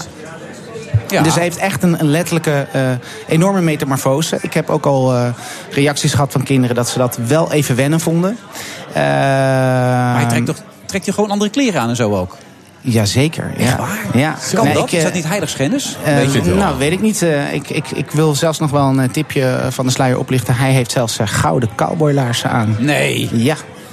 Nou, als ik dit mijn kinderen vertel... Hij draait nog, neem ik aan, toch? Hij, hij we kunnen nog, we kunnen ja, morgen zeker, gaan, toch ja. of niet? Nou, eh, tot 5 december. Oh, dan gaan we Oh, ja. morgen er gelijk naartoe. Als ze dit horen, Sinterklaas met gouden kooiwalas. Het is trouwens wel goed. Want jij vond in die Zwarte Pieter discussie... waar je niet te veel in wilde mengen... dat ze Sinterklaas wat meer naar voren hadden moeten schuiven. Want die werd helemaal op de achtergrond gezet. Dus eigenlijk klopt dat wel een ja, beetje dat wat hier is gebeurt. fantastisch. Ja, maar ook dat, die, eh, dat het aangedurfd is om, die, om het zo eh, zeg maar, te presenteren, die Sinterklaas. Ja. Hoe kwam je op de gedachte? Nou, ehm, ik, ik, toen ik ge- gevraagd werd of ik eh, die film wilde maken, eh, vond ik het vooral belangrijk om Sinterklaas eh, als absolute held te hebben. Eh, normaal is het zo dat vaak de Pieten ehm, de helden zijn. want die zijn natuurlijk veel rijker qua, qua figuren, hè, verschillend. Dus dat is dramatisch interessanter. Sinterklaas is vaak toch wel de goede, oude, ja, een beetje goedzak. Die dan zegt, oh, is er een probleem nog? Het komt wel goed. Ja. En dat vond ik niet zo spannend. En dus mijn uitgangspunt was, ik wil een avontuur voor de Sint. En eh, hij moet eh, naar voren en eh, moet gewoon de superheld worden. Een coole Sint. Maar het had niks te maken met die Zwarte Pieter discussie. dat Nee, je dacht, dan kan ik dat ook een beetje naar achter Nee. schuiven. Dan heb ik het helemaal de focus op. Sinterklaas. Nee, nee, nee. En waarin, is hij die held geworden? Hoe heb je dat voor elkaar gekregen? Want dat is dus meer dan de goedheiligman die pakjes uitdeelt. Het is een heel andere, of in ieder geval, er komt een andere held, heldenrol in. Nou ja, er is een. Er is een eh, kijk, elke Sinterklaasfilm eh, heeft het, eh, is, is, is gefundeerd op hetzelfde principe. We hebben een feest en er is, het feest komt in gevaar. Dat is een beetje de gouden regel, hè? ook voor kinderen. Dus het, het feest is in gevaar, dus oeh, oeh, oeh. Als Komt pakjesavond, nee ja, oh, hij is er al, maar gaat pakjesavond wel door. En ehm, in, in, in, in deze vertelling kwamen heel snel. Er was een idee om iets te doen met eh, zijn paard, Americo. Eh, iets met zijn hoefijzer. En eh, nou, dat zou dan kwijt zijn. En, dan, en wat dan? Dus kom je heel snel, of kwamen wij heel snel op het idee van, nou, dan moet hij op zoek gaan met een kind. Eh, naar dat hoefijzer. Nou, dat hoefijzer dat eh, verdwijnt dan. En eh, god, waar is dat hoefijzer van gemaakt? Van een bijzonder magisch goud. Oh, mooi. En dan gaan ze daar naartoe op zoek. Dus het werd een soort eh, epische queste. Fantasy. Zo. Een sprookje. Je praat er overheen trouwens. Maar je wil ook helemaal niet aan die Zwarte Piet- Oh, discussie meedoen, hè? Dat wil je Dat gewoon. je heel goed in de Dat merkte ik aan je. Dat wil je gewoon helemaal niks over zeggen. Heel goed. Het enige goed. wat je er wel over hebt gezegd, ze hadden het misschien wat donkerder moeten maken. Waardoor dat, die discussie ook iets minder zou zijn. Want hij komt uit Spanje, Sinterklaas, zei je dus. Ja, toch? daarom. Ja, het Ah, Turkije toch? Eigenlijk. Uit Ja. Turkije, Ja. precies. Dus Ja. Die wil er echt niks Van, over eh, zeggen, merk ik aan jou. En ik wil op deze bijzondere dag wil ik dat ook niet jezelf aandoen. Maar wat drijft jou er nog in? Want je hebt al met meerdere films betrokken ben je geweest. Ja. Sinterklaas en het pakjesmysterie. Ja. Sinterklaas en het raadsel van 5 december. Ja. Wat, wat, wat vind je er zo leuk aan? Ehm, nou, dat is een hele goede vraag. Eigenlijk vind ik er helemaal niet zoveel leuk aan. Oh, nou ja, Ehm, lekker. Nee, nou ja, ik ben filmmaker. En Ja. ehm, eh, bij die andere projecten, Sinterklaasprojecten... eh, was ik in de gelegenheid om mee te werken aan een Sinterklaasfilm. Maar voor mij was het gewoon een film. En eh, we vertellen een verhaal. En eh, dat dan je protagonist, je hoofdfiguur... de Sint is en of zijn Pieten. Ja, dat is dan zo. Maar het is, eh, het is gewoon een karakter. En, eh, Maar het is niet, je hebt een zoontje van zeven volgens mij, Ja. toch? Ja. Ja. Dat dat nog een extra factor is? Of, of? Voor deze film wel, ja. Voor deze film heb ik echt... eh, mijn zoon is ook gekomen op een gegeven moment naar de set. En toen draaiden wij in een, eh, ehm, een, een soort smidse. Dus de, de hoefsmid van het paard. En daar is Sinterklaas dan incognito. Ja. En ik wist mijn zoon komt. En die kwam. Maar Sinterklaas was niet als Sinterklaas. En het mooie was eh, dat eh, Sinterklaas, zeg maar, de acteur die eh, de hulpzint, zeg maar, naar mij toe kwam op een gegeven moment. Zei, jouw zoon kwam naar mij toe en zei meteen: Sinterklaas. Echt waar? Ik ben Sinterklaas. Dat is dan wel weer goed, hè? Ja, natuurlijk. Ja, maar dat, dan, dan voel ik me daarin gesterkt. Ook in de magie van... Het is een hè, mythisch figuur. En het is fijn dat uh, uh, hij is zeven. Ik denk dat het niet lang meer duurt. Nee. Op zijn, zijn klasgenootjes willen nogal eens wat laten vallen van oeh, oeh, oeh. Hij is niet echt hoor. Nee, onze eh, dochter is nu acht en ik, ik was gevraagd of ik mee wilde werken. Dat we een keer de aflevering van het Sinterklaasjournaal. Die kon die dag niet. Dat vind ik nog steeds een van de ergste dingen die me overkomen. Ik had zo graag in het Sinterklaasjournaal willen zitten. Dat mijn kinderen. Hé, hey, papa, wat doe jij? Niet gelukt helaas. Maar dat, dat moet daar ook een beetje het gevoel zijn geweest. Dat je hem toch Ja. even die magie kon geven. Nou, maar dat was er. En, en ehm, ik ik denk dat je dat... eh, eh, ik persoonlijk voed dat enorm bij mijn kind. Eh, dat die, eh, we waren op, eh, op het werk van mijn, van mijn vrouw. En daar kwam de Sint ook. En hij zei meteen, ah, die is nep. En toen zei ik, dat klopt. En toen keek hij me aan, hoe, hoe kan je dat nou zeggen? Waarom zegt hij niet, dat is de echte Sinterklaas? Ik zei, nou, Sinterklaas is heel erg druk. Dus die kan niet overal tegelijkertijd zijn. Die heeft hulpsint. Ja, net als eh, het echte Ja, Sinterklaasjournaal. natuurlijk. En die mogen dan dat voor hem doen. Ja, en toen zat hij toch te kijken van, oh ja, dat is plausibel. Ik geloof je voor deze keer. Maar dit is een grote hit. We kunnen er nog naartoe. En dat gaan we ook zeker doen. Ja, dit zo ik zie, ik- ik- wat ik leuk vind is dat je zei van... nou, ik heb eigenlijk de Sint, hè, dat had Ja. ook elke andere film. Maar ik zie toch als je Ja, het er erover gebeurde hebt... wel wat, hè, met zie, zie je toch echt een groot enthousiasme. Ja, ja. Eigenlijk is dat nog niet goed uitgedrukt. Want ik zie, eh, ik zie echt in je ogen waarvan ik denk... Nee, daarom is het volgens mij ook zo'n succes, die film. Omdat je er met grote liefde aan gewerkt Ja, hebt. nou ja, niet alleen ik, iedereen. Dat snap en ik. eh, ik, ik- mag mezelf dan regisseur noemen. En dan eh, ben je een beetje het kapitein op de schip die iedereen probeert te enthousiasmeren. En eh, iedereen was heel erg aangedaan door het idee: we gaan iets anders doen Ja. dan wat we normaal met Sinterklaas doen. Nou, en dat is gelukt. En eh, de film eh, had een moeizame start dit jaar. Eh, maar nu Wanneer heeft kwam hij, die uit? Wanneer kwam die... en, meestal komen die films uit in de herfstvakantie. Oh ja. Eh, maar nu loopt hij als een tierenlier. En eh, ja, gaat dat zien, zou ik zeggen. hij hey. loopt nog vier dagen of zo. Daarom, dan gaan we met z'n allen naartoe. En jij hebt nog meer ideeën, want je wilt Sinterklaas ideeën voor volwassenen gaan maken, heb ik Ja. begrepen. Dus, Ja. dus je bent nog niet klaar met die Sinterklaas. Nee. Die is nee, dat- niet van jou af. Nee maar, nee, maar daar kan je dan bijvoorbeeld zo'n Zwarte Pieten discussie goed op de hak nemen. Dat zou ik erg leuk vinden. Oh Eh, meer in het, in het satire te trekken, zeg maar. Dan te zeggen wat, wat het eigenlijk is. En als je daar dan naar kijkt in een zaal, dat je denkt... Oh jezus, het is eigenlijk best wel belachelijk allemaal. Maar Ja. wat grappig. Jij gaat morgen niet naar Dokkum toe. Ik ga morgen niet naar Dokkum. Jij ook niet, eh, Erik? Nee, ik ook niet. Nee, niet naar Dokkum? Nee. Ik ga morgen Sinterklaas cadeautjes kopen. eh, voor Sinterklaas. Hij heeft mij gevraagd of ik dat eh, wilde Ja. doen. Oké. De echte, hè? Voor de Ja, de echte natuurlijk. Ja, dat is heel belangrijk. Arem, ontzettend bedankt. Ja, graag En we gaan met z'n allen Ja, inderdaad naar die film toe. En we gaan inderdaad niet naar Dokkum. Eh, tot zo na de reclame.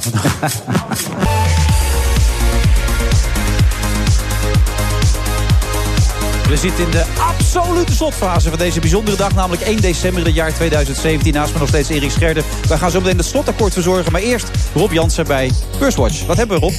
Ja, we kunnen eh, deze week natuurlijk niet om de bitcoin heen. Die is als een yo-yo eh, op en neer gegaan tot zelfs boven de 11.000 euro. Daarna weer keihard gekelderd. Staat nu weer bijna op 11.000 eh, dollar, moet ik zeggen. Geen euro. Maar goed, het is iets waar veel toezichthouders voor waarschuwen. Ehm, maar beleggers lijken zich niets van die waarschuwingen aan te trekken. En de soap rond Axo Nobel, die gaat vrolijk verder. Want eh, de eh, fabrikant wilde... eh, Axalta overnemen. Die maakt autolakken. Dat leek aan Axo Nobel voorbij te gaan. Leek te worden weggekaapt door Nippon Paint, maar die haakt af. En ja, nu ligt, het, ligt de hele zaak weer open. En de vraag is natuurlijk, moet Axo Nobel nu wel toestaan? Eh, dat vraag ik aan Najib Nakat van Hof Horneman Bankiers... en Wim Zwanenburg van Stroeven en Lemberger Vermogensbeheer.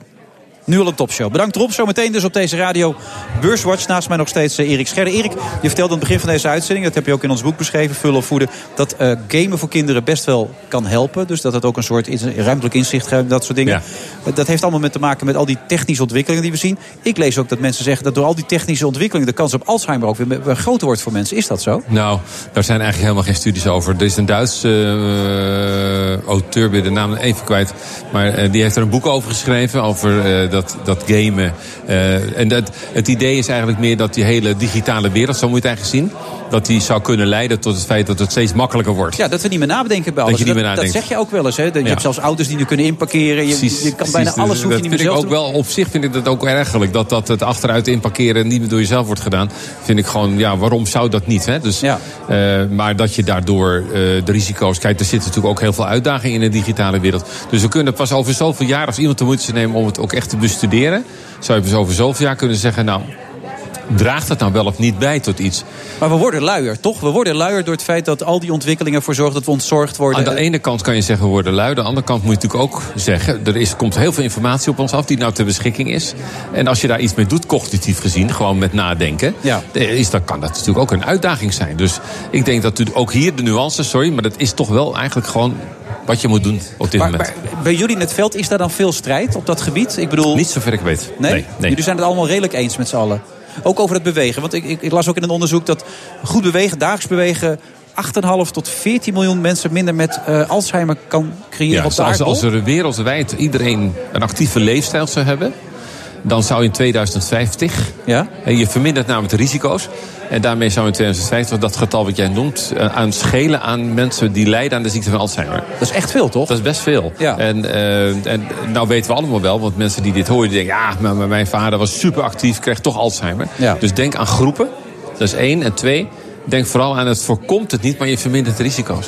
Er zijn natuurlijk ook nog andere factoren die daar een rol in spelen. Absoluut. Erfelijke factoren of andere dingen. Maar toch is het helemaal waar wat je zegt.